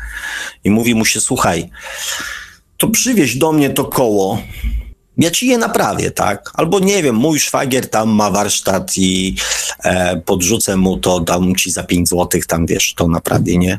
A ktoś mówi, nie, wiesz, nie, bo to, to jest poważna sprawa, wiesz, bo to koło, e, no to ono i zaczyna się wymyślanie jakby kolejnych mm, nieszczęść, kolejnych powodów do tego, że coś jest, e, że coś jest złe, tak? Daj, ja ci rozwiążę ten problem. Nie, nie, nie, słuchaj, nie rozwiązuj go. Nie rozwiązuj, bo to jest taki problem, że on musi zaistnieć, bo ja się muszę nim fascynować, jeszcze muszę nim e, pasjonować. Ten problem jest dla mnie ważny, bo on pokazuje mi, że moje życie jest trudne. a w domyśle ja chcę, żeby moje życie było trudne. I tutaj w takich prostych sytuacjach życiowych dostajemy bardzo często informacje o drugim człowieku. I to jest właśnie ten mechanizm samoranienia, że człowiek, drugi człowiek nie jest nawet e, otwarty na rozwiązanie tych problemów. On tych problemów chce, ponieważ ma o sobie już tak mocno wyrobione przekonanie, że jego życie jest słabe, kiepskie i do dupy, że on nawet nie chce rozwiązania tych problemów. Więc z tymi zranieniami mm, to nie jest taka prosta sprawa. Znaczy, odkryć je jest bardzo łatwo. Wystarczy chwilę z człowiekiem porozmawiać, usłyszeć, co on ma do powiedzenia o danej sytuacji, i już wiemy e, mm, sporo na temat jego życia, tak? jego nastawienia, podejścia, też intencji. I w sytuacji, kiedy człowiek chce się sam ranić, to ciężko jest mu mm, w jakikolwiek sposób pomóc. I tym bardziej trudno jest mu wytłumaczyć, że ta potrzeba zraniania się z czegoś wynika. Ona ma swoje jakieś tam przyczyny. Natomiast w momencie, kiedy e, wiecie już, kochani, że coś was boli, ale chcecie to zmienić, to już jest połowa drogi, to już jest połowa sukcesu. Wtedy warto to, co mówię, zagrzebać w sobie, tylko nie po łebkach. Nie na zasadzie, przecież ja całe życie chciałem być zdrowy, szczęśliwy i bogaty. Więc ktoś uknął jakiś plan, ktoś uknął e, jakiś podstęp e, e, i ktoś na pewno skazuje mnie na, na, na, na niepowodzenie. To wtedy to troszeczkę głębsze zagrzebanie może Wam pozwolić e, zrozumieć te przyczyny, tak? Dlaczego tak o sobie myślicie e, i dlaczego te zranienia się mm, pojawiają. Także to e, odnośnie, mm, odnośnie jak je znaleźć. No, trzeba grzebać, no. Trzeba grzebać, uzbroić się w cierpliwość, e, dać sobie czas, dać sobie spokój i też nauczyć się wybaczania i, i wtedy można te, to, to transformować, tak? E, też było takie pytanie, które obiecałem, że o nim e, wspomnę, i to jest uzależnienie, czy to jest choroba duszy, czy ciała. To jest bardzo fajny wątek, Gagatek go bodajże poruszył. I z chęcią bym chciał temu poświęcić chwilkę czasu, e, ale jak widać, no tak, widać. W dzisiejszej audycji już tego nie zdążymy poruszyć. Tak samo jak tutaj jest, był komentarz XY domykanie spraw w lipcu według kalendarza Majów, żebym ten wątek też poruszył, ponieważ mamy 20 lipca za tydzień. E, ktoś mówił, że nie może się doczekać audycji 20 lipca. E, więc, więc może akurat przed tym 26 lipca będzie to fajny moment, żeby, e, żeby ten temat poruszyć. Dobrze, kochani. Mm wpadł mi w oko jeden komentarz Kazimierza pana, e, że się pogubił, e, więc e, być może faktycznie się zbytnio rozgadałem i nagmatwałem tutaj w różnych kwestiach. Widzę, że są komentarze. Także jeżeli mogę mieć. Prośby o muzyczkę? Dokładnie tak, dokładnie tak, bo ja już, ja już czytam komentarze, panie Marku, dlatego się tak zawiesiłem. E, a poza tym e, mój, musiałem coś tutaj dzisiaj namieszać, e, bo nawet mój kot postanowił mnie właśnie opuścić i iść po, pozwiedzać otoczenie, także, także spróbuję to wszystko jakoś, jeżeli były jakieś niejasności, to w tej części z komentarzami spróbuję to wyjaśnić albo odkręcić to, co namieszałem. Także prośba o muzyczkę, panie Marku, i, i za chwileczkę się spotkamy znowu. A ja tu przygotowałem właśnie e, na przerwę muzyczną taki kawałek, który e, towarzyszył Radio Paranormalium i słuchaczom w początkach działalności naszego radia internetowego, czyli jakieś 8 lat temu prawie. E, I pojawiał się dosyć często, dosyć regularnie w naszych y, audycjach y, niedzielnych chociażby utwór zatytułowany Triplex City Invited y, z Jennifer Greer na wokalu. Myślę, że jeżeli ktoś jeszcze nie zna tego utworu, a lubi takie nu jazzowe brzmienia, coś, coś trochę jazzu, trochę jakiegoś syntezatora, trochę jakichś innych elementów, to myślę, że taka właśnie muzyka się Państwu spodoba, a my w Radiu Paranormalium już za jakieś 7 minut powracamy do audycji Świat oczami duszy, Radio Paranormalium, paranormalny głos w Twoim domu. Zostańcie Państwo z nami, no i oczywiście czekamy cały czas na Wasze komentarze, no a w drugiej części audycji również na Wasze telefony.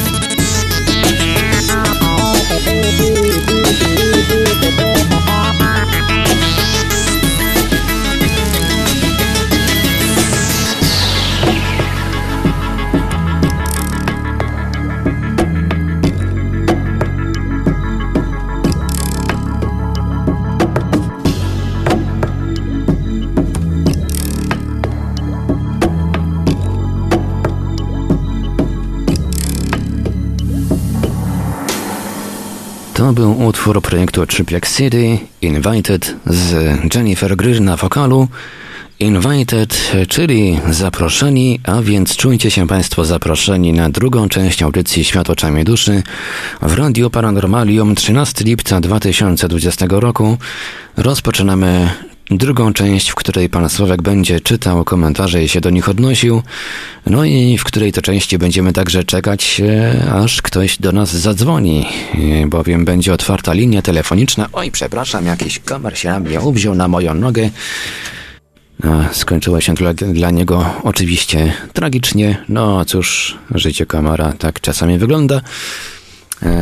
Czekamy na Wasze telefony. Linia telefoniczna jest otwarta już teraz. Można do nas dzwonić na numery stacjonarne 32 746 0008, 32 746 0008, komórkowy 536 620 493, 536 620 493, skype radio.paranormalium.pl można także do nas pisać na GG pod numerem 36 08 80 02 36 08 80 02. Jesteśmy także na czatach Radia Paranormalium na www.paranormalium.pl oraz na czatach towarzyszących naszym transmisjom na YouTube. Można nas także spotkać na Facebooku, na fanpage'ach Radia Paranormalium i pana Sławka Bączkowskiego, na grupach Radia Paranormalium i czytelników Nieznanego Świata, a jeżeli ktoś woli, to może nam także wysyłać pytania, komentarze i różne inne wiadomości odnoszące się do naszej audycji na nasz adres e-mail radiomałpa-paranormalium.pl Dziękuję panie Marku. Oczywiście przyłączam się do prośby e, odnośnie dzwonienia. Tam pan Kazimierz coś tam podobno mu namieszałem, więc, e, więc być może e, jeżeli w komentarzach tego nie, nie rozwikłam, to, to zapraszam do bezpośredniego kontaktu, zresztą nie tylko pana Kazimierza. Natomiast oczywiście wspomnę też o komarach, bo mm, fakt jest w tej chwili taki wysyp takich malutkich komarów i też zaobserwowałem, że problem z nimi polega na tym, że one jeszcze nie wiedzą, że się mają bać tych wszystkich odstraszaczy, które mm, firmy kosmetyczne i farmaceutyczne wyprodukowały. E, myślę, że, że, że to jest największy problem, że, że one nie wiedzą, że to ma ich odstraszać. One nie wiedzą, że to ma ich zabić. No właśnie, też odniosłem I dlatego żyją te chłolery głupie, no. Natomiast przyznam, że, że, że faktycznie jest to jakiś mały kłopocik, bo zrobiło się tego E, bardzo, bardzo dużo. E, wracając, kochani, do komentarzy, znaczy nie wracając, bo jeszcze nawet nie zacząłem, więc przechodząc do komentarzy, e, Peter tutaj napisał, ale cała sytuacja polityczna nas tylko wzmocniła. Mam nadzieję, że nie daliście się wrobić w te gierki naszej władzy, ale muszę przyznać, dawno nie było takiego szumu. E, kochani, jeżeli ktoś e, w ogóle uważa, że ta sytuacja mogła kogokolwiek w czymś wzmocnić, e, no to oczywiście z punktu widzenia świadomości e, to nie.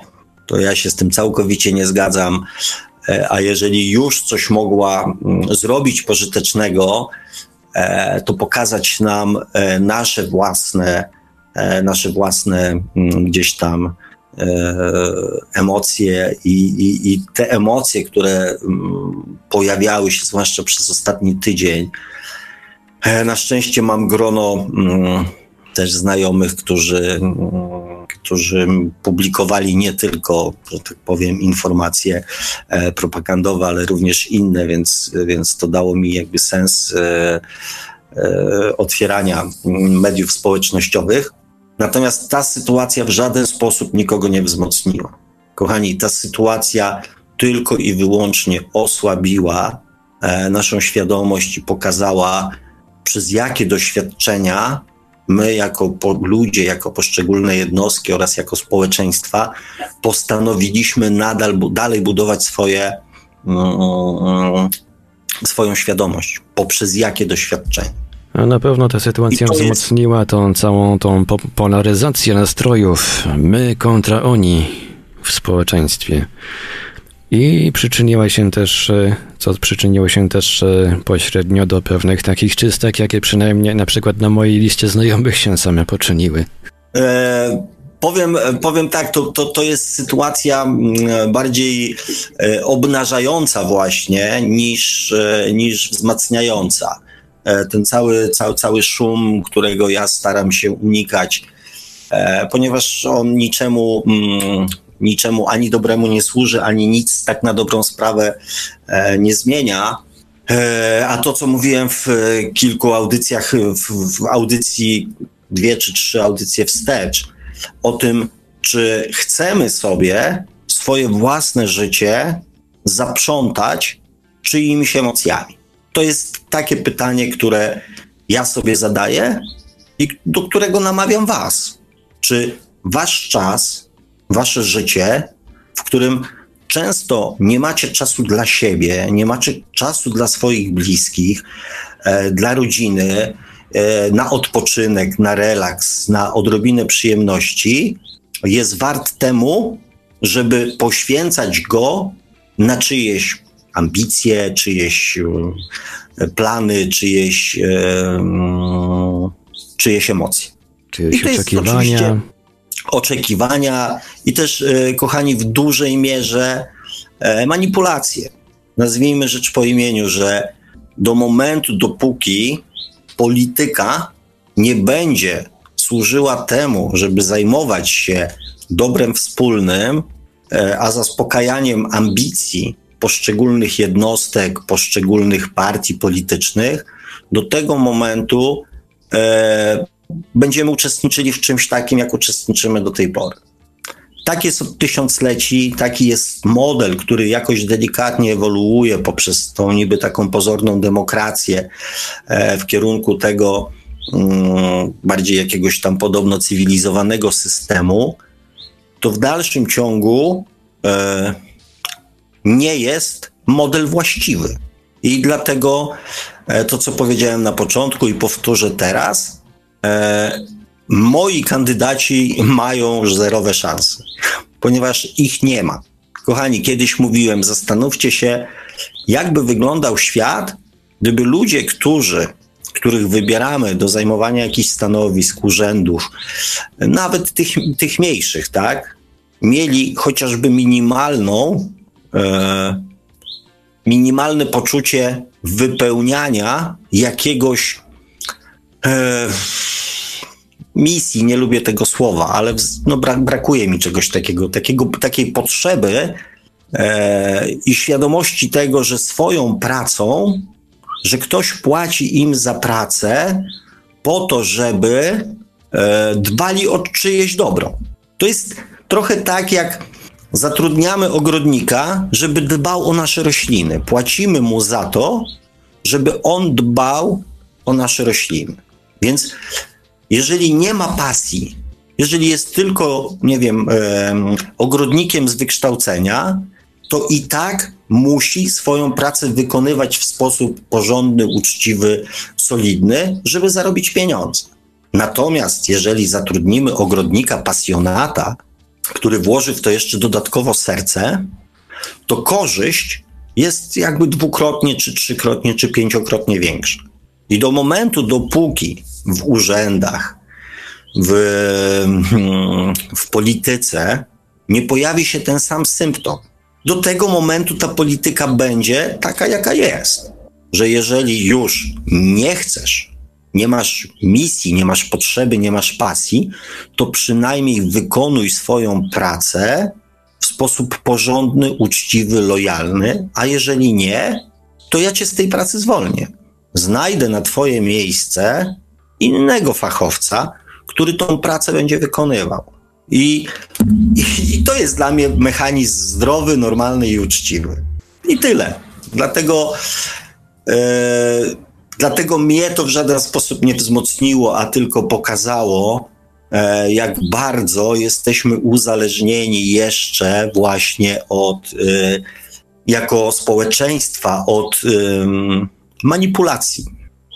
I to jest, e, to jest coś, co ja dzisiaj poniekąd odchorowałem ponieważ chciałbym bardzo zobaczyć, widzieć takie symptomy, w których e, będziemy już jako ogół w takim miejscu swojego rozwoju, w którym zechcemy rozwijać się poprzez pozytywne doświadczenia, poprzez tworzenie czegoś wspólnie, uzupełnianie się, dodawanie czegoś, e, niż poprzez negatywne doświadczenia. I to jest ta bolesność, którą ja w dniu dzisiejszym e, ze wszech stron gdzieś tam e, chyba odczułem i ta chyba, nie wiem, ta bańka nienawiści po prostu pękła. E, I dzisiaj był po prostu tragiczny, straszny, ciężki taki e, emocjonalnie dzień. Ale to jest oczywiście moje, moje zdanie, broń Boże, ja nie wchodzę tu w tematy polityczne e, tylko i wyłącznie świadomościowe, więc, więc zostawiamy ten temat. Ania pisze. Tak, tak, tak. E, nie znamy samych siebie i konsekwencja tego, tego, konsekwencją tego jest strach. Boimy się samych siebie, tego, co zostaniemy w środku, boimy się bać e, i boimy się przestać bać, czy to mm, nasza natura. Kochani, poniekąd tak. Niestety, ale tak. Ta część naszej natury jest wybudowana, tej ludzkiej natury jest wybudowana na strachu. Tak jak e, pewnie przypominacie sobie, my zaczynamy swoje życie na Ziemi w przeolbrzymim przerażeniu. Malutkie dziecko, które przychodzi na świat, jest przerażone. Ze mm, wszech stron otacza go coś, co jest dla niego nieznane i przerażające. Jest to poczucie bezsilności e, i uzależnienia też od ciepła. Jedyne ciepło, jakie może dostać, to dostaje od swoich bliskich. Natomiast przez gro jakby czasu, patrząc tak jakby z punktu widzenia dorosłego człowieka, to gro tego czasu odbywa się w lęku. Początek naszego życia już zaczyna się po pierwsze z wielkim też bólem, wysiłkiem e, i też w poczuciu lęku. Więc ten lęk w naszej podświadomości jest zapisany od urodzenia. I to jest, e, i to jest tak, to jest w pewnym sensie nasza natura. To jest w pewnym sensie nasze dziedzictwo, e, takie no, krótkie dziedzictwo, bo związane z tym życiem, ale e, tak, nasza podświadomość jest źródłem większości naszych lęków. Nasza ziemska natura jest źródłem naszych lęków. Dlatego, Aniu, tu bardzo trafnie zauważyłaś, że w pewnym sensie jesteśmy też uzależnieni mm, od e, poczucia lęku. I to e, z czasem to poczucie lęku e, dla ludzi jest bardziej stymulujące niż pozytywne doświadczenia. I też staje się jakby, e, znaczy może staje się od początku, jest w pewnym sensie jakby takim naszym naturalnym środowiskiem. I to jest, y, ja wiem, że to jest w dużej mierze takie dla nas y, przykre, y, ale są sposoby, żeby to jakby trochę, trochę obrócić po pierwsze na naszą korzyść, a po drugie też ten strach w dużej mierze zniwelować. Tym drugim ośrodkiem przeciwstawnym jest właśnie nasza dusza, nasza świadomość, która jest e, znowu źródłem miłości, tak? czyli mm, emocją przeciwstawną. I warto, jeżeli mm, obydwie z obydwu tych źródeł potrafimy czerpać siłę, energię, moc, wtedy, wtedy da, się, da się z tym żyć. Całkowicie bez lęku wydaje mi się, że nie jesteśmy w stanie żyć ale mamy mechanizmy, mamy możliwości, żeby e, ten lęk e, doprowadzić do takiego poziomu bardziej użytkowego. Mm. A nie pisze dalej, strach wbudowany jest w naszą naturę i tyle. E, trzeba umieć się bać, słusznie się bać. No właśnie, no właśnie. No, więc ja też jestem zdania, że z naturą nie da się.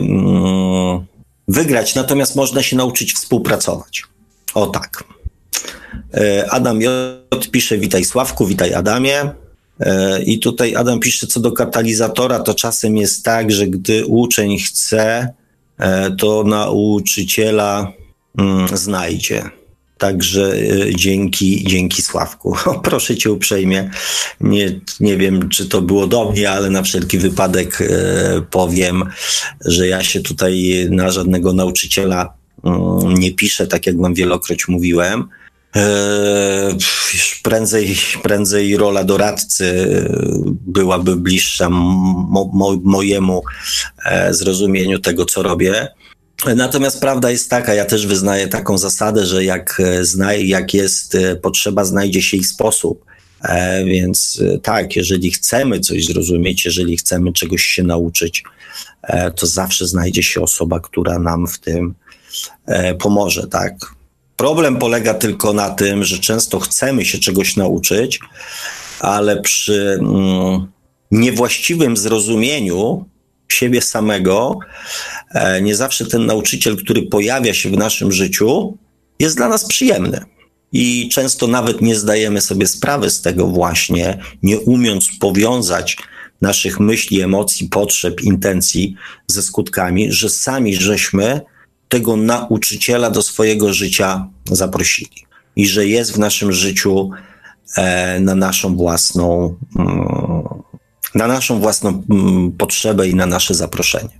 Mm, Peter pisze, jeśli będziesz, e, będziemy poznawać siebie i swoje mocne strony, nie musimy się bać, e, ale to jest, e, to jest trudne. Znaczy, ogólnie życie jest trudne, kochani. No co, co się będziemy oszukiwać? Że mm, nikt nie powiedział zresztą, że ono będzie łatwe. Natomiast poznając e, swoje mocne strony, mm, zasadniczo się zgadzam. E, I oczywiście w mojej głowie się tutaj ko ko ko kołaczą takie myśli, że e, poznajemy swoje mm, mocne strony bardzo często poprzez przechodzenie bardzo trudnych sytuacji.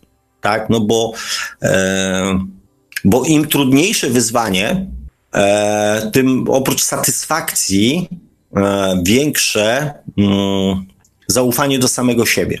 Bo jeżeli potrafiłem poradzić sobie z bardzo trudną sytuacją, to sytuacje proste w ogóle stryk, nie ma o czym mówić, tak? E, jak to się mawiało kiedyś, e, rzeczy trudne robimy od ręki, na cuda trzeba chwilkę poczekać. Więc poznawanie tych swoich mocnych stron e, często właśnie niestety odbywa się poprzez bardzo trudne sytuacje. Dlatego w pewnym sensie jest to mm, dla nas trudne. To my tego e, jakby nie chcemy zaakceptować tego, że, mm, że tak to właśnie jest. Chcielibyśmy uniknąć e, trudnych sytuacji, ale jednocześnie poznać swoje mocne strony. To jest trochę tak, jak w jakimś takim e, powiedzonku, który gdzieś kiedyś wyczytałem, e, że mm, skoro idziesz na sam szczyt, to przestań jęczyć, że masz pod górę. Bo, bo szczyt jest na górze, więc żeby do niego dojść, musisz się na tą górę mm, wspiąć. No tak to właśnie e, też z naszą naturą, ale też z naszą właśnie brakiem świadomości tak jest. Że my czegoś chcemy, ale zupełnie jakby nie zdajemy sobie sprawy z tego, z czym to jest związane. Czyli, nie wiem, chcielibyśmy być najlepszym piłkarzem na świecie, ale niekoniecznie mamy ochotę przechodzić na przykład przez hejt, nie bardzo mamy też ochotę przechodzić przez treningi, nie bardzo też mamy ochotę przechodzić przez trudne sytuacje, przez kontuzje. Nie, no chcielibyśmy obudzić się jutro i być najlepszym piłkarzem na świecie. Że dzwoni telefon, ty, Stefan, wstawaj, bo się okazało, że jesteś najlepszy na świecie, będziesz grał, nie wiem, w Realu Madryt. No mówimy, dobra, okej, okay, okej, okay, okej, okay, ale tylko na 15 minut, bo później się mogę zmęczyć. I mm, często, często też jesteśmy chronieni przez poniekąd naszą duszę e, przed tym, żeby się mm, przekonać, że to, o czym marzymy, nie będzie wcale fajne. I już e, często jest tak, że jeżeli już to przerabialiśmy w życiu, którymś tam swoim wcześniejszym, to, to tam będziemy słyszeli taki głos, ale po co? No stary, no ale po co ci to? Nie, to wcale nie, nie musi być fajne, tak, nie rób tego. Albo będą się pojawiały jakieś tam okoliczności, które, mm, które spowodują, że, że do czegoś tam nie dojdzie. My oczywiście z naszą ziemską naturą będziemy na to narzekać, że nam się coś nie udało, nie zdając sobie zupełnie sprawy, że w ten sposób uniknęliśmy mm, doświadczenia, które wcale nie musiałoby być e, przyjemne. Skutek może byłby przyjemny, natomiast cała droga dochodzenia do tego wcale nie musiałaby być taka przyjemna. I to też bez, to jest właśnie kolejny powód, żeby poznać samego siebie, żeby zrozumieć tą zależność. Peter pisze, ciekawe jak to jest z każdym wcieleniem, że zawsze mało mm, wiemy, e, że zawsze mało wiemy o sobie. Mm, to znaczy, ja powiem tak, z każdym następnym wcieleniem wiemy więcej o sobie, E, tylko z każdym następnym wcieleniem mierzymy się z czymś, co się nazywa podświadomością. I, i tyle. I ten element jakby jest tym elementem, który przy coraz większej świadomości sprawia nam kłopot, tak? Że, że, że znowu musimy tą podświadomość troszeczkę e, okiełznać, e, żeby, mm, żeby poznać samego siebie. Znaczy, w pewnym momencie to już nie chodzi o poznawanie samego siebie, tylko o mm, uświadomieniu sobie, że to, co czujemy, jest prawdą. O tak. Bo to w środku nas już tam jest. My już to wiemy. Ja często z, rozmawiając z ludźmi, e, bo on mówi, a co zrobić? Ja mówię, wiesz, co zrobić. Doskonale wiesz, co zrobić. Czujesz to. Ja widzę, że ty to czujesz, że jesteś, że chcesz to zrobić. I doskonale wiesz, że to jest właśnie to, e, czego pragniesz. Tylko się boisz. Tylko jakby nie wierzysz w to. Jeszcze e, nie masz wewnętrznego przekonania, że to jest, że to będzie słuszne, że coś cię trzyma. Jakieś tam uwarunkowania, jakieś sytuacje jeszcze ci mówią, że to może nie ten moment, albo że to może nie będzie dobre, a co powiedzą inni i tak dalej, i tak dalej. A może to jest głupie, a dlaczego tylko ja tak myślę, a może ja jestem pieprznięty i tak dalej, i tak dalej. Więc e, im większa świadomość, tym szybciej pewne rzeczy e, jakby do nas docierają. Natomiast problemem jest to, czy w nie uwierzymy. Mm, Ania pisze, mm, ale jakiś poziom tak zwanego strachu powinien być, bo nie będziesz wiedział, w, że nie wolno się wychylać za barierkę na dwunastym piętrze. E, Mm, Aniu, oczywiście, że tak. Zresztą ja zawsze twierdziłem, że lęk, e, znaczy też trzeba odróżnić strach od lęku, tak? Bo strach przed czymś jest e, czymś, co wyostrza nasze zmysły, e, wyostrza naszą czujność, powoduje, że mm, robimy ostrożniej pewne rzeczy, tak? Więc strach jest E, jest naszym doradcą, jest, jest naszym obrońcą, jest e, czymś, co, mm, co, co, co pozwala nam zachować czujność. I ja też, nie wiem, tnąc na, nie wiem, jakichś tam dużych piłach stacjonarnych, e, różne tam gdzieś elementy, dostawałem takie pytania, czy ty się nie boisz? Ja mówię, oczywiście, że się boję. Może dlatego jakby jeszcze jestem cały, mam wszystkie palce i może właśnie dlatego, że się boję, bo gdybym przestał się bać, straciłbym czujność i, i, i być może popełniłbym jakiś błąd, tak? Więc to, co też kiedyś mówiłem, strach to jest coś, co nam towarzyszy w danej sytuacji. Jest na przykład ma jakieś uzasadnienie, tak? Natomiast lęk jest czymś, co, e, co siedzi w nas, ale nie bardzo znamy jego źródło. Bo, bo strach, nie wiem, przed szybką jazdą, gdzie jest mnóstwo rzeczy się dzieje, jest całkowicie naturalny, tak? Czy strach przed, przed czymś nieznanym, wejściem do jakiegoś, nie wiem, ciemnego lasu, czy czymś takim, e, jest czymś, czymś normalnym. Czy, nie wiem, wspinanie się właśnie po linie na dwunaste piętro. Natomiast lęk jest czymś zupełnie innym. Lęk jest bardziej nie, nie, nie, nieuświadomiony. Źródło lęku bardzo często jest dla nas nieuświadomione i to jest jakby większy kłopot. Mm, Peter pisze, strach w naszym życiu pokazuje nam, co zrobić, ale też nie może mm, nas, e, nas ograniczać. E, no i teraz właśnie jest pytanie, czy mówimy tu o strachu, czy mówimy lęku. Bo czasami strach e, jest dobrze, jak nas ogranicza bo, bo, bo, bo częstokroć jest tak, y, że um, czy nam na przykład sytuacje, w których ten strach będzie się pojawiał, są do czegoś potrzebne. Ludzie często szukają wyzwań po to, żeby właśnie pojawił się strach, adrenalina i żeby coś poczuć. Tak? Jednocześnie ze strachem bardzo często jest związane ryzyko, bo ten strach y, na przykład związany z tą właśnie szybką jazdą samochodem. E, pojawia się strach i czy ograniczeniem byłoby zrezygnowanie z tak szybkiej jazdy i jednocześnie zrezygnowanie z ryzyka. Więc tu, tu, tu, tu co sytuacja, to ona wymaga jakby oddzielnego rozważenia, tak? Czy ryzyko, które w tym momencie ponoszę, e, jest mi do czegoś potrzebne? Czy, nie wiem, trzy minuty e, wcześniej bycie w domu jest warte ryzyka które poniosę w związku z, z szybką jazdą. Więc strach jest informacją, że dzieje się coś niebezpiecznego. I teraz od nas zależy, żeby ocenić, tak? Czy ten. E, mm, czy warto podejmować ryzyko?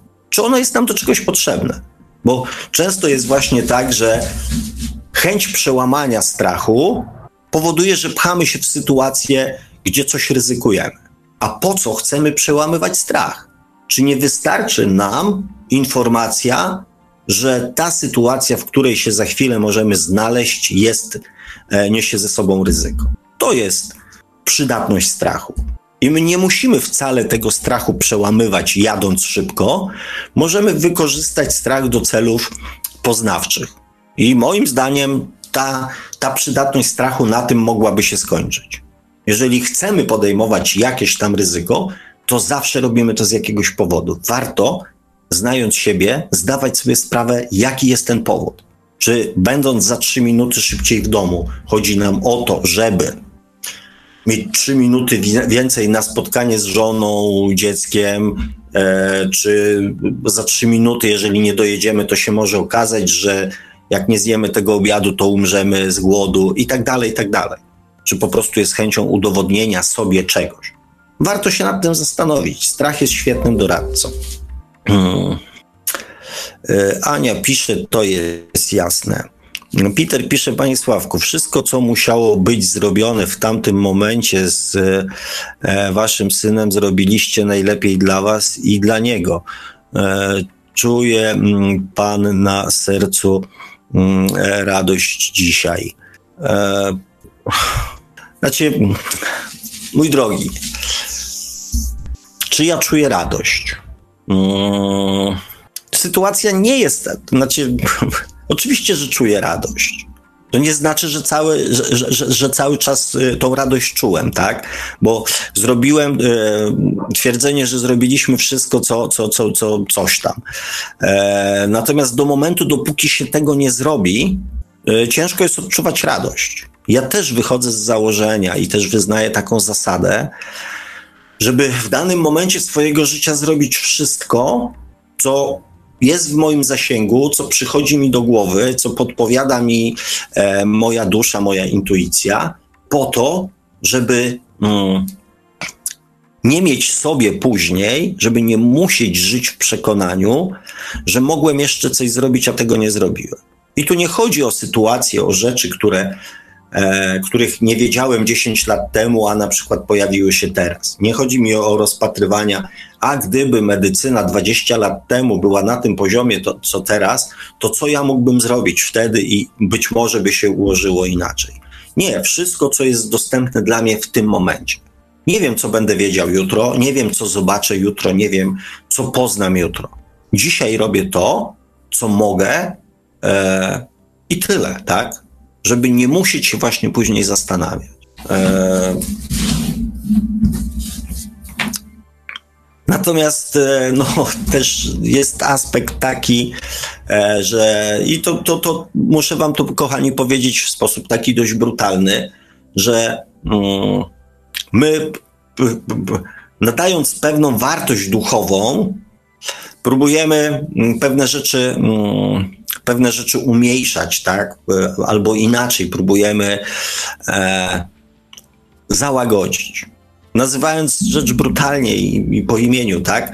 Czy ja czuję radość, że miałem syna, z którym, e, który w dzisiejszym dniu, tak, miałby, e, za chwilę skończyłby 27 lat, podrywałby dziewczyny, e, być może byłbym już z jego powodu jakimś tam wnuczkiem i spędzilibyśmy 27 lat, nie wiem, grając piłkę, nie wiem, chodząc na piwo, e, naprawiając samochody, ucząc go, nie wiem, robienia mebli albo jakichś tam innych rzeczy. Czy ja czuję z tego powodu radość? Nie. I nie poczuję radości, że nie mogłem tego z nim zrobić, bo e, mm, wartość duchowa tego jest jedną wartością, ale też jest wartość ojcowska, e, jest wartość miłości rodzicielskiej, e, jest też miłość zwykła ziemska. Mm, no i my nie mieliśmy możliwości jakby tego e, skonsumowania. Więc z tego powodu oczywiście, że nie czuję radości. Tak jak nigdy nie poczuję radości z tego powodu, co on w swoim życiu, 24-letnim, przeszedł. Więc yy, więc sytuacja nie jest aż taka e, klarowna. Tak? Możemy sobie, kochani, nie wiem, wmawiać, że e, wartość duchowa tego doświadczenia była większa, ale to nie jest jedyna wartość, e, jaką na Ziemi tutaj um, dostajemy. I, e, I próba takiego zaczarowania um, rzeczywistości, że a, bo, bo, bo, bo, bo, bo stało się lepiej, bo to, bo tamto, boś mam to, jest pewnego rodzaju e, jest próbą, natomiast czy ona e, kończy się skutecznie, czy się nie kończy skutecznie, no nie wiem, no pewnie byłbym dziwnym rodzicem, gdybym, gdybym powiedział, że ja nie wiem, za nim nie tęsknię, czy, e, czy, czy, czy z jakiegoś też mojego, czy jakiegoś takiego ziemskiego powodu e, moje serce nie, nie ma jakiejś tam rany, tak? Więc e, Natomiast no, sytuacja jest oczywiście dużo bardziej, e, bardziej, bardziej szeroka tak, niż taka e, zero-jedynkowa. E, Ania pisze, a może są tacy ludzie, co nie lubią być szczęśliwi, po prostu lubią być ciągle niezadowoleni. Aniu, czy lubią?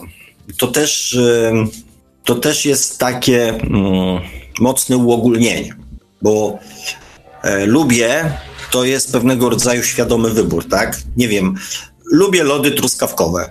Znaczy, to akurat też może mm, nie do końca nie jest kwestia świadomości, e, ale na przykład lubię taką muzykę bądź inną, tak? Mm, lubię takie sytuacje, a nie inne. To jest pewnego rodzaju świadomy wybór. Natomiast często E, najczęściej ludzie, którzy są w pewnym sensie, mm, starają się e, poprzez e, negatywne sytuacje zwrócić na siebie bardzo często uwagę, nie mają świadomości tego, że po pierwsze, że robią to z jakiegoś powodu, bardzo często myślą, że to jakby życie ich w jakiś sposób próbuje doświadczyć i spowodować to, żeby ich życie było kiepskie I to nie jest na zasadzie lubię być nieszczęśliwy. Jestem nieszczęśliwy, jest mi źle, jest mi niedobrze, to mi nie wychodzi, tam to się nie udaje, e, tu mnie ktoś zostawił, tu mi się tego, tam mi się coś innego zepsuło, tak. E, to jest trochę też na takiej zasadzie szklanka jest do połowy pusta. Natomiast to e, nie jest tak, e, ja przynajmniej nie znam takiego przypadku, w którym ktoś by powiedział tak, bo ja lubię być nieszczęśliwy. Natomiast mówię, to jest brak świadomości tego, że sami poniekąd e, tą formę, mm, a cię, że mogliby to zmienić. O tak. Oni są święcie przekonani najczęściej, że ta sytuacja, w której się znaleźli, jest niezależna od nich i że nie mają na nią wpływu. To jest brak świadomości, że są w tej sytuacji bezradni, że e, bardzo często tylko ludzie z zewnątrz, którzy z jednej strony to spowodowali, tylko oni mogą tą sytuację naprawić. I najgorsze w tym wszystkim dla nich jest to, mm, że mm, uzależniają swoje samopoczucie od tego, co się dzieje wokół nich. I to jest takie, mm, takie przykre, tak? Bo jeżeli spotkają osobę, która e, da im jakieś takie poczucie e, szczęścia, to będą się tej osoby kurczowo trzymały, wysysając z niej praktycznie wszystko, co tylko w niej jest wartościowe, nie zdając sobie sprawy, że właśnie pozbawiają siebie sami w dłuższej perspektywie na przykład żywiciela, e, dostawcy dobrej energii. To się wszystko odbywa mm, poza ich, e, poza ich świadomością. I to są, no to są trudne przypadki, które niestety najczęściej dokonują zmian w swoim życiu mm, wskutek jakichś tam nieprzyjemnych doświadczeń. O tak. E, Peter pisze, jeśli nie radość, to co? E, proste rzeczy dnia dzisiejszego są e, najlepsze. Od małych, drobnych rzeczy budujemy cały dzień. Mm. To znaczy, w założeniu się zgadzam. W założeniu się zgadzam.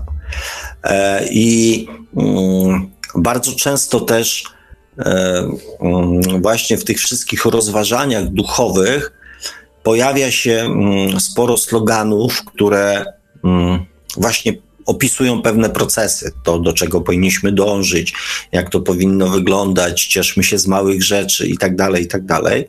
I to jest fajne, bo to jest pewnego rodzaju cel. Tylko często w tych mm, stwierdzeniach brakuje instrukcji obsługi, jak to zrobić.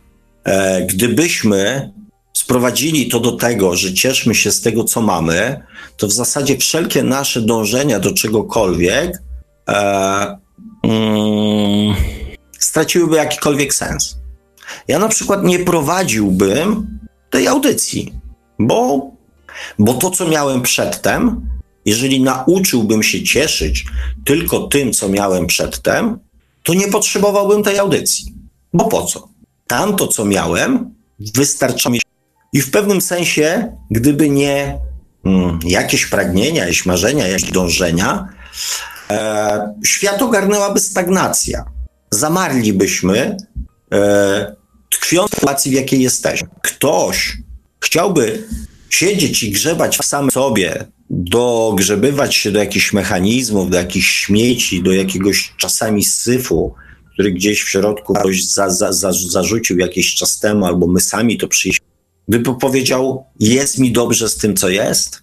Czy ta audycja miałaby jakikolwiek sens, kiedy namawiam was do poznawania samych siebie, gdyby wszyscy ludzie powiedzieli, ale mi jest dobrze tak, jak jest. Ja nie chcę nic zmieniać. Bo po co? Skoncentruję swoją uwagę na tym, żeby się cieszyć z mojej bezdomności, żeby się cieszyć z mojej biedy, żeby się cieszyć z mojej choroby, żeby się cieszyć e, z tego, że mnie ktoś poniża, że mnie ktoś wykorzystuje i tak dalej, i tak dalej. Że po raz, nie wiem, piąty wchodzę w związek e, z facetem, który mnie bije. Po co mam coś zmieniać? Cieszę się, muszę się nauczyć cieszyć tym, co mam. Więc e, każdy kij ma dwa końce, tak? I każda mm, jakby sytuacja ma swoje dwa bieguny. I e, i nie dajmy się jakby zepchnąć na żaden biegun, tylko znajmy jakby wachlarz możliwości, e, bo te możliwości są. W każdej sytuacji są różne możliwości. Natomiast prawda jest taka, że od małych rzeczy faktycznie budujemy dzień. One tak naprawdę wypełniają większość naszego czasu. Grubymi rzeczami zajmujemy się mm, e, rzadziej, e, natomiast drobnymi rzeczami e, zajmujemy się codziennie, wielokroć, razy dziennie, e, więc faktycznie umiejętność e, do ładowywania sobie akumulatorów z drobnych rzeczy daje, daje, daje taki poczucie, że ten dzień nie musi być wcale taki, mm, taki słaby. Mm.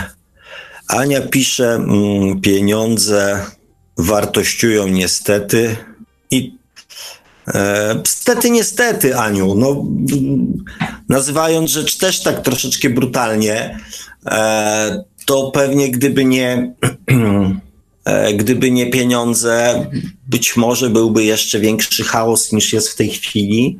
E, nie wiem, czy to jest niestety. Myślę, że tak po prostu e, jest i, i to każdy mm, sam przed sobą powinien sobie mm, gdzieś zdać sprawę z tego, na ile to wartościowanie mm, jest dla niego ważne, istotne i znaczące że to chyba o to e, powinno przede wszystkim chodzić. Bo to, że pieniądze nadają wartość, jak najbardziej, zwłaszcza dla naszej podświadomości. Im większą coś ma wartość, e, tym łatwiej nasza podświadomość e, na podstawie tego dokonuje zmian. E, I tu też pojawił się w komentarzach mm, taki temat odnośnie zbierania pieniędzy przeze mnie na działkę. E, ja się tam do niego odniosłem, ale też pojawiają się wątki odnośnie płacenia, e, na przykład za, mm, za wiedzę, czy za jakieś tam inne rzeczy typu duchowe e, i tak dalej. Mm, I ja kiedyś się odniosę do tego mm, najprawdopodobniej w jakiejś audycji, bo jest też mnóstwo przeróżnych mitów i, i też zdań na ten temat, więc pozwolę dołączyć też do tego swoje zdanie. E, natomiast dla naszej podświadomości, dla podświadomości mm, wielu ludzi, im większą coś ma wartość, na przykład wiedza uzyskana za pomocą pieniędzy, jeżeli ma większą wartość, tym dla naszej podświadomości e, jest e, ważniejsza i też łatwiej na podstawie takiej wiedzy dokonujemy zmian. Jeżeli to, co mówię, jeżeli usłyszelibyście ode mnie za darmo, żeby zrobić to i to, żeby poprawić na przykład, nie wiem, swoje zdrowie, to nie.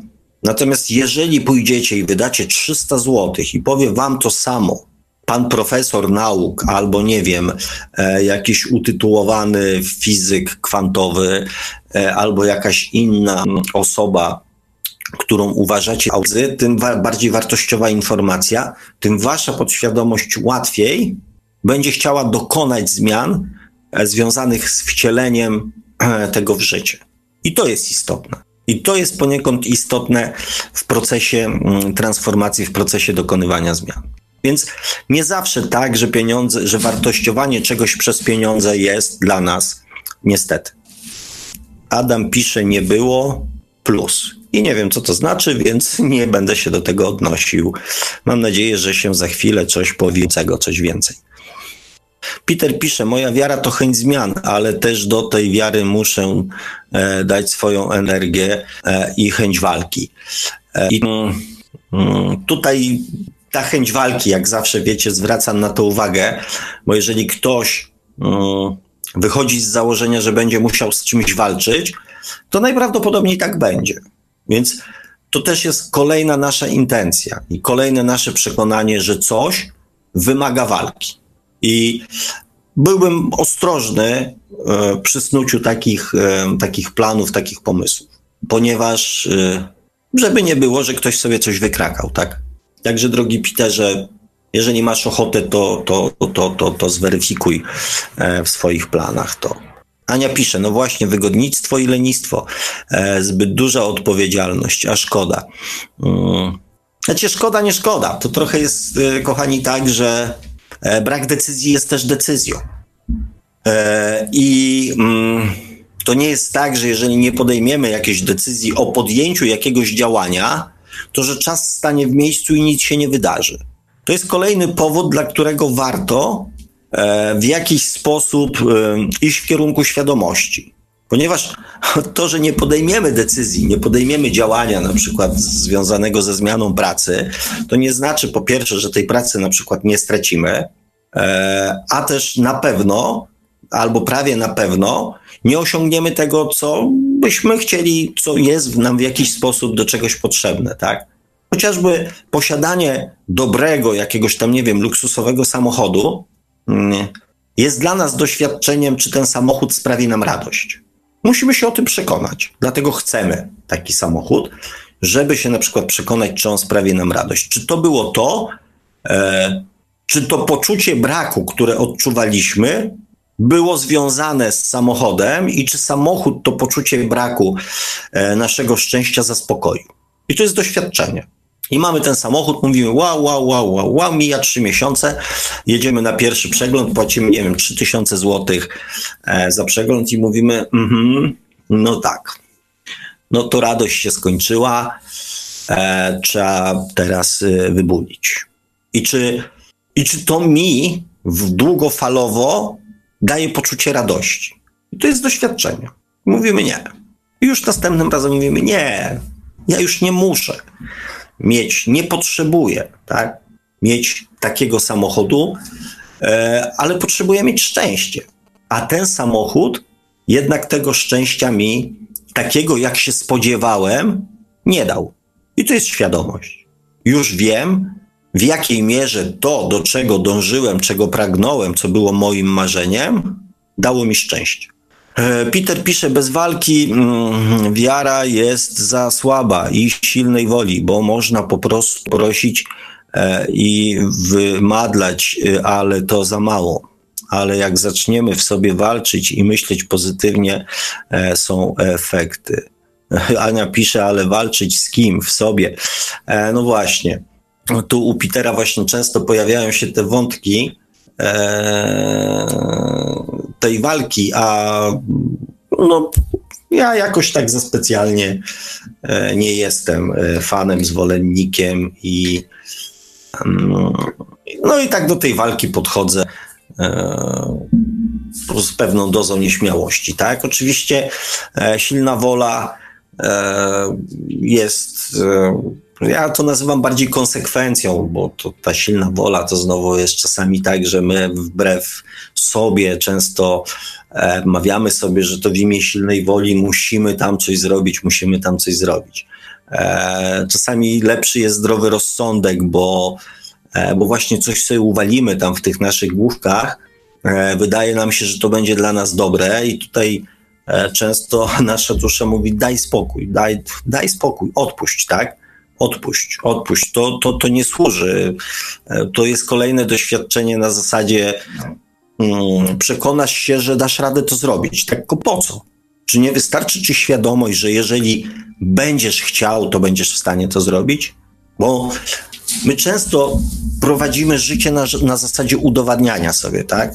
Ja będę, nie wiem, pracował 28 godzin w ciągu, bo, bo chcę się przekonać, czy dam radę. No dałem radę. I co z tej wiedzy wynika? No to, że dałem radę, tak? Ale równie dobrze mogłem bez tego doświadczenia wysnuć taką teorię, że jeżeli będę potrzebował, to dam radę. Tylko czy potrzebuję? Więc ta czasami silna wola, którą my nazywamy, e, pcha nas do doświadczeń, z których moglibyśmy na zasadzie świadomego życia zrezygnować. Jeżeli będę chciał, jeżeli będzie potrzeba, e, jeżeli ja poczuję taką potrzebę, to będę mógł pracować 20, 30, 40 godzin. Już, ale nie mam takiej potrzeby, bo, bo po co? Mogę pracować 8 godzin, 6 godzin i zrobić dokładnie to samo, co bym zrobił w 28, tylko mm, 4 dni później. I teraz jest pytanie, czy coś się wydarzy, że coś zostanie zrobione 4 dni później. Na to pytanie oczywiście każdy musi sam sobie odpowiedzieć. Mm, Peter pisze bez walki, mm, a wiara jest za słaba, ok. E, walczyć z myślami, Peter pisze i decyzjami. Moim zdaniem wiara to plan, e, działanie e, i wykonanie końcowe. No nie, tutaj się akurat z Tobą, mm, drogi Peterze, nie zgodzę. To są jakby zupełnie hmm, inne rzeczy, bo, bo to już jest takie ubieranie czegoś w mechanizmy stricte E, ludzkie, w stricte ziemskie mechanizmy. Wiara to jest po prostu wiara. Wewnętrzne przekonanie, że to się uda.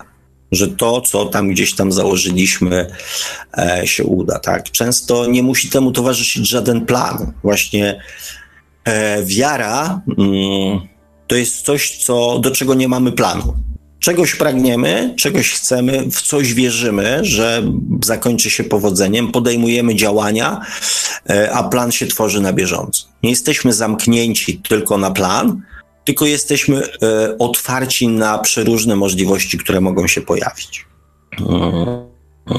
Ania pisze, ja już e, wiem, kim jesteś. Wiara staje się oczywista, bezbolesna, stała i E, nie, piszę jeszcze raz. Jak już wiesz, kim jesteś, e, wiara staje się oczywista, bezbolesna, stała i, e, i niezmienna.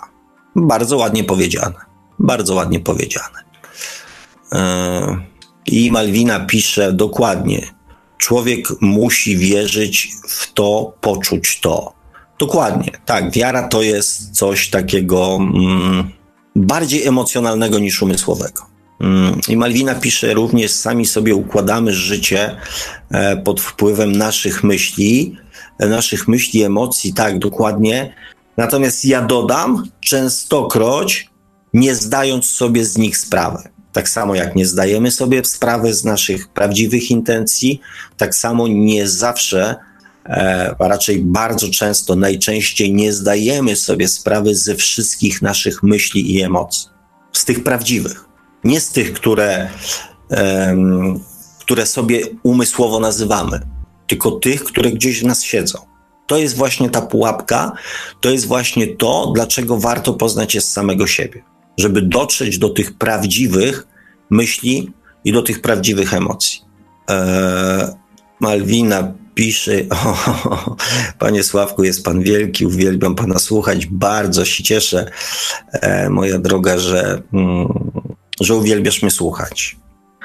E, no, nie ukrywam, jest to dla mnie ważne, tak, że, że chcecie tego słuchać, że, że to coś tam jakoś tam komuś coś daje. Dziękuję Ci pięknie za ten komentarz, zrobiło mi się bardzo miło. Ania pisze, um, w obrazek, który rysujemy sobie w marzeniach, wkładamy e, własną energię jak baterię i będzie działało. Mm. No tak, po raz kolejny taki bardzo e, obrazowy mm, opis mm, tego mechanizmu.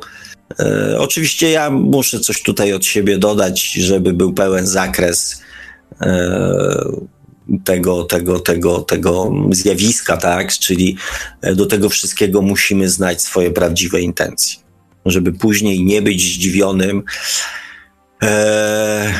że ten obrazek e, troszeczkę mm, odbiega od tego, mm, ten obrazek, który się zrealizuje, odbiega troszeczkę od tego, co żeśmy narysowali. E, Wojciech Kuban pisze, pewnie tak, e, chyba otworzyłeś mi oczy, e, że mam. E, no, no dobrze. Jak to się mawiało z Ryty Beret? Mm, bo dosłownie nie przeczytam e, tego komentarza. Tego nie wiem, tak? Natomiast e, e, a, bo tu jest dalszy ciąg jeszcze tego. Coraz to nowsze mm, dziadostwa miałeś na myśli. Interpretuję to sobie po swojemu, ale dosłownie jakbym słuchał o sobie. Hmm. Znaczy, podejrzewam, że myśli nie mamy podobnych, natomiast, e, mm, bo to jest bardzo indywidualna sprawa. To jest. mimo podobnych myśli są różne interpretacje, powody, e, intencje i, i, całe mnóstwo innych rzeczy, które e, ludzi pomiędzy sobą różni. Między innymi poziom świadomości i tak dalej, to o czym wielokroć mówiłem. Natomiast mechanizm jest dokładnie, mm, dokładnie taki sam, że to, o co często ludzie mają e, jakby żal, pretensje i powód do poszukiwań, przeróżnego poszukiwań wszelkiego rodzaju, to jest to, że dostają co innego niż wydaje im się, że chcą. I tu jest. E, nie potrafią odkryć tej zależności, że dostają tak naprawdę dokładnie to, czego chcą. Że wszystko, co się w naszym życiu dzieje, jest dokładnie takie, jak tego chcemy chociaż nam się wydaje, że chcemy czegoś innego, a dostajemy coś innego. Więc mechanizm jest w przypadku każdego człowieka taki sam. E, Adam pisze, a czy komputer jest taką rzeczą, która pomaga? E, bez nich audycji by nie było. E, na tym największe wały idą jak na surowcu kobalcie. To znaczy, drogi Adamie, ja wielokroć powtarzałem i powtórzę to też przy, przy tej okazji. Ja nie oceniam narzędzia. Moje przykłady z młotkiem, z ogniskiem i z komputerem są, yy, są zawsze takie same, że to nie narzędzie określa jego użyteczność, tylko użytkownik. To, do czego dane narzędzie zostanie użyte. Tak jak dynamit, tak jak energia jądrowa. E, to tu w założeniu nic nie jest złe. Natomiast sposób użycia określa, czy coś jest złe, czy coś jest dobre, czy coś jest użyteczne, czy bezużyteczne, tak? Więc samo narzędzie jako narzędzie, każde jest użyteczne, bo czemuś służy, tak? Tylko pytanie, czy nasz wybór odnośnie użycia danego narzędzia jest świadomy, czy nie? Przepraszam. Kazimierz pisze, w dzisiejszym pańskim monologu się pogubiłem. Dla mnie bardzo niejednoznacznych, e, niejednoznaczny przekaz. Mm, tak jak powiedziałem pani Kazimierzu, być może, e, być może faktycznie coś tam namieszałem. Mam nadzieję, że e, udało mi się to, co było niewyjaśnione i niejasne, jakoś tam mm, wyjaśnić w komentarzach. E, tak jak wspominałem, dzisiejszy dzień był dla mnie emocjonalnie bardzo, e, bardzo ciężki, więc e, być może z tego to też gdzieś, mm, gdzieś wynikało. Oczywiście proszę Was o pytania, jeżeli coś tam będę w stanie jeszcze mm, dopowiedzieć, wyjaśnić, to z wielką, z wielką przyjemnością to zrobię. Tutaj mam jakiś komentarz wysłany mm, SMS-em. Witam dwa tygodnie temu. Zabrała mnie karetka z hotelu. Kwasica ketonowa. Obudziłem się po miesiącu. Dla mnie to był jeden dzień. Tego się nie da opisać, ale to był niekończący się film, w którym umierałem. E, byłem Bogiem, mogłem wszystko, coś wewnątrz mi mówiło, walcz, kiedy mm, mi mój stan, kiedy mój stan był krytyczny. E, pozdrawiam, mm, Patryk. E, znaczy, oczywiście zbyt krótki, mm, zbyt krótki SMS, żeby się do niego odnieść. E, natomiast oczywiście na pierwszy rzut oka widzę pewną niespójność i, i, nie wiem z czego, z czego ona wynika, e, bo jest napisane witam dwa tygodnie temu zabrała mnie karetka, e, a obudziłem się po miesiącu, więc... E, mm. Może źle to, źle to słuchacz ujął, po prostu obudził się dwa tygodnie temu. Dwa tygodnie temu się to wszystko skończyło, może.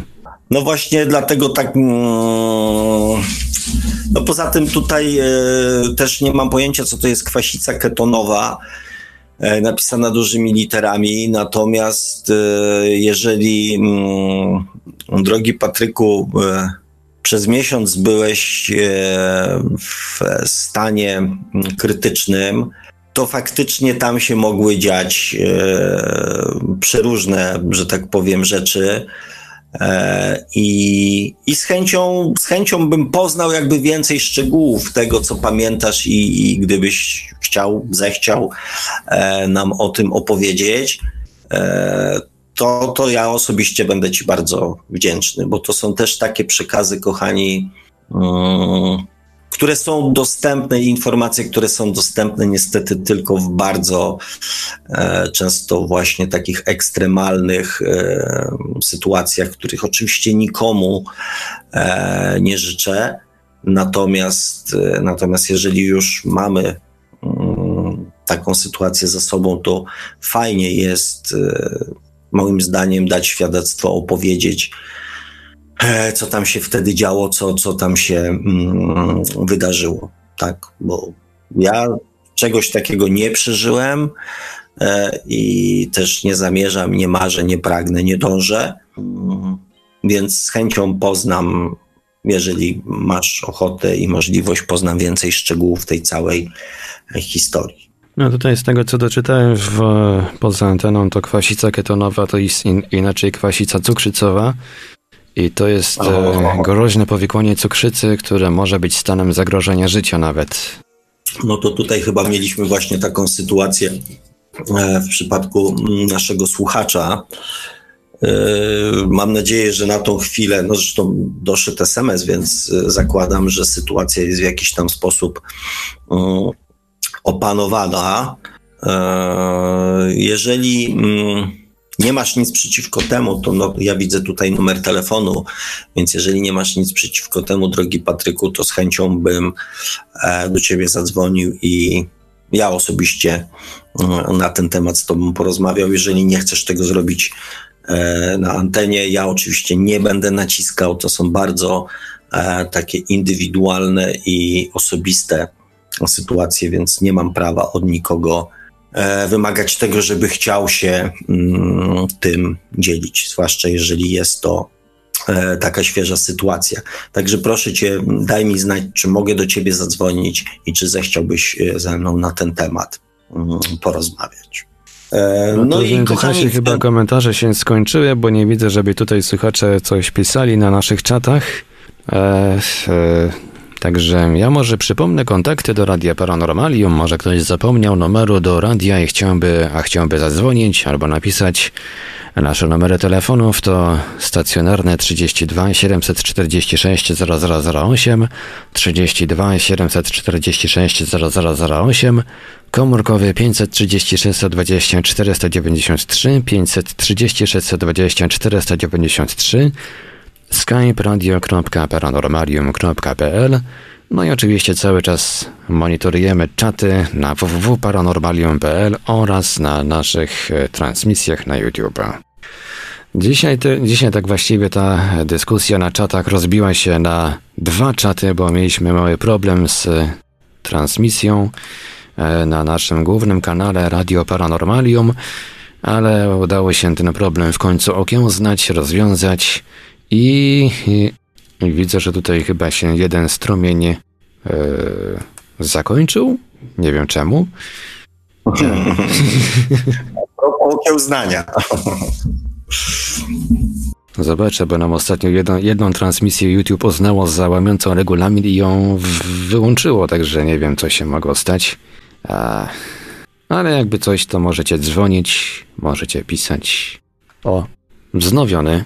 No powariował no, nam ten YouTube dzisiaj, powariował. No cóż, e, znam słuchaczkę, która będzie miała pretekst do tego, żeby e, coś nam przywalić, panie Marku, także e, z tego powodu. Mm, mm, kochani, no ja oczywiście mm, w związku z tym, że brak jest komentarzy, nie będę tutaj e, nic na siłę, mm, nic na siłę wymyślał już dzisiaj. E, zwłaszcza, że też mamy godzinę 23, więc wstydu wielkiego nie ma, jeżeli chodzi o długość audycji. E, gdyby tam coś e, w międzyczasie oczywiście zaginęło, coś do nas tutaj dzisiaj nie dotarło, to zapraszam do, do, do, do, do, do komentarzy również pod, pod naszą audycją, czy, czy na radio, czy, mm, czy na YouTubie. No i też oczywiście do pisania do mnie bezpośrednio, chociaż jak zauważyliście, e, tego czasu w tygodniu mam troszeczkę mniej niż ostatnimi czasy, ale jakoś tam z pewnością, jeżeli zwłaszcza będą tematy ważne, to z pewnością damy sobie mm, z tym, mm, z tym radę. Także, kochani, jak nic nie ma, to po prostu może pójdziemy spać najnormalniej w świecie. E, pan Marek, jak znam życie, ma tam na pewno jakąś dłubankę na noc zostawioną, więc też, e, też się nudził nie będzie. E, ja przypomnę tylko temat naszej dzisiejszej audycji.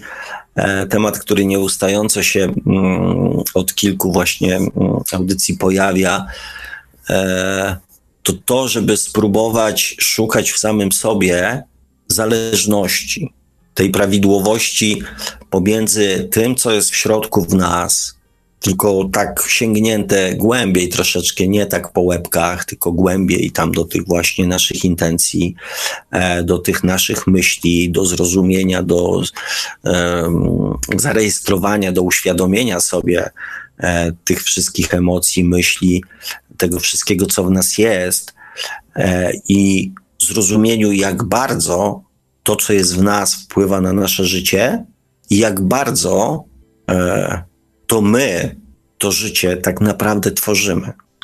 I zacząć, jeżeli chcecie coś zmieniać w swoim życiu, e, chcecie mm, na to życie w jakiś sposób wpływać, planować je, to zacznijcie od swojego własnego podwórka, od tego, na co macie wpływ. Nie próbujcie zmieniać świata, e, zanim nie zmienicie, mm, zanim nie poznacie samych siebie. O tak.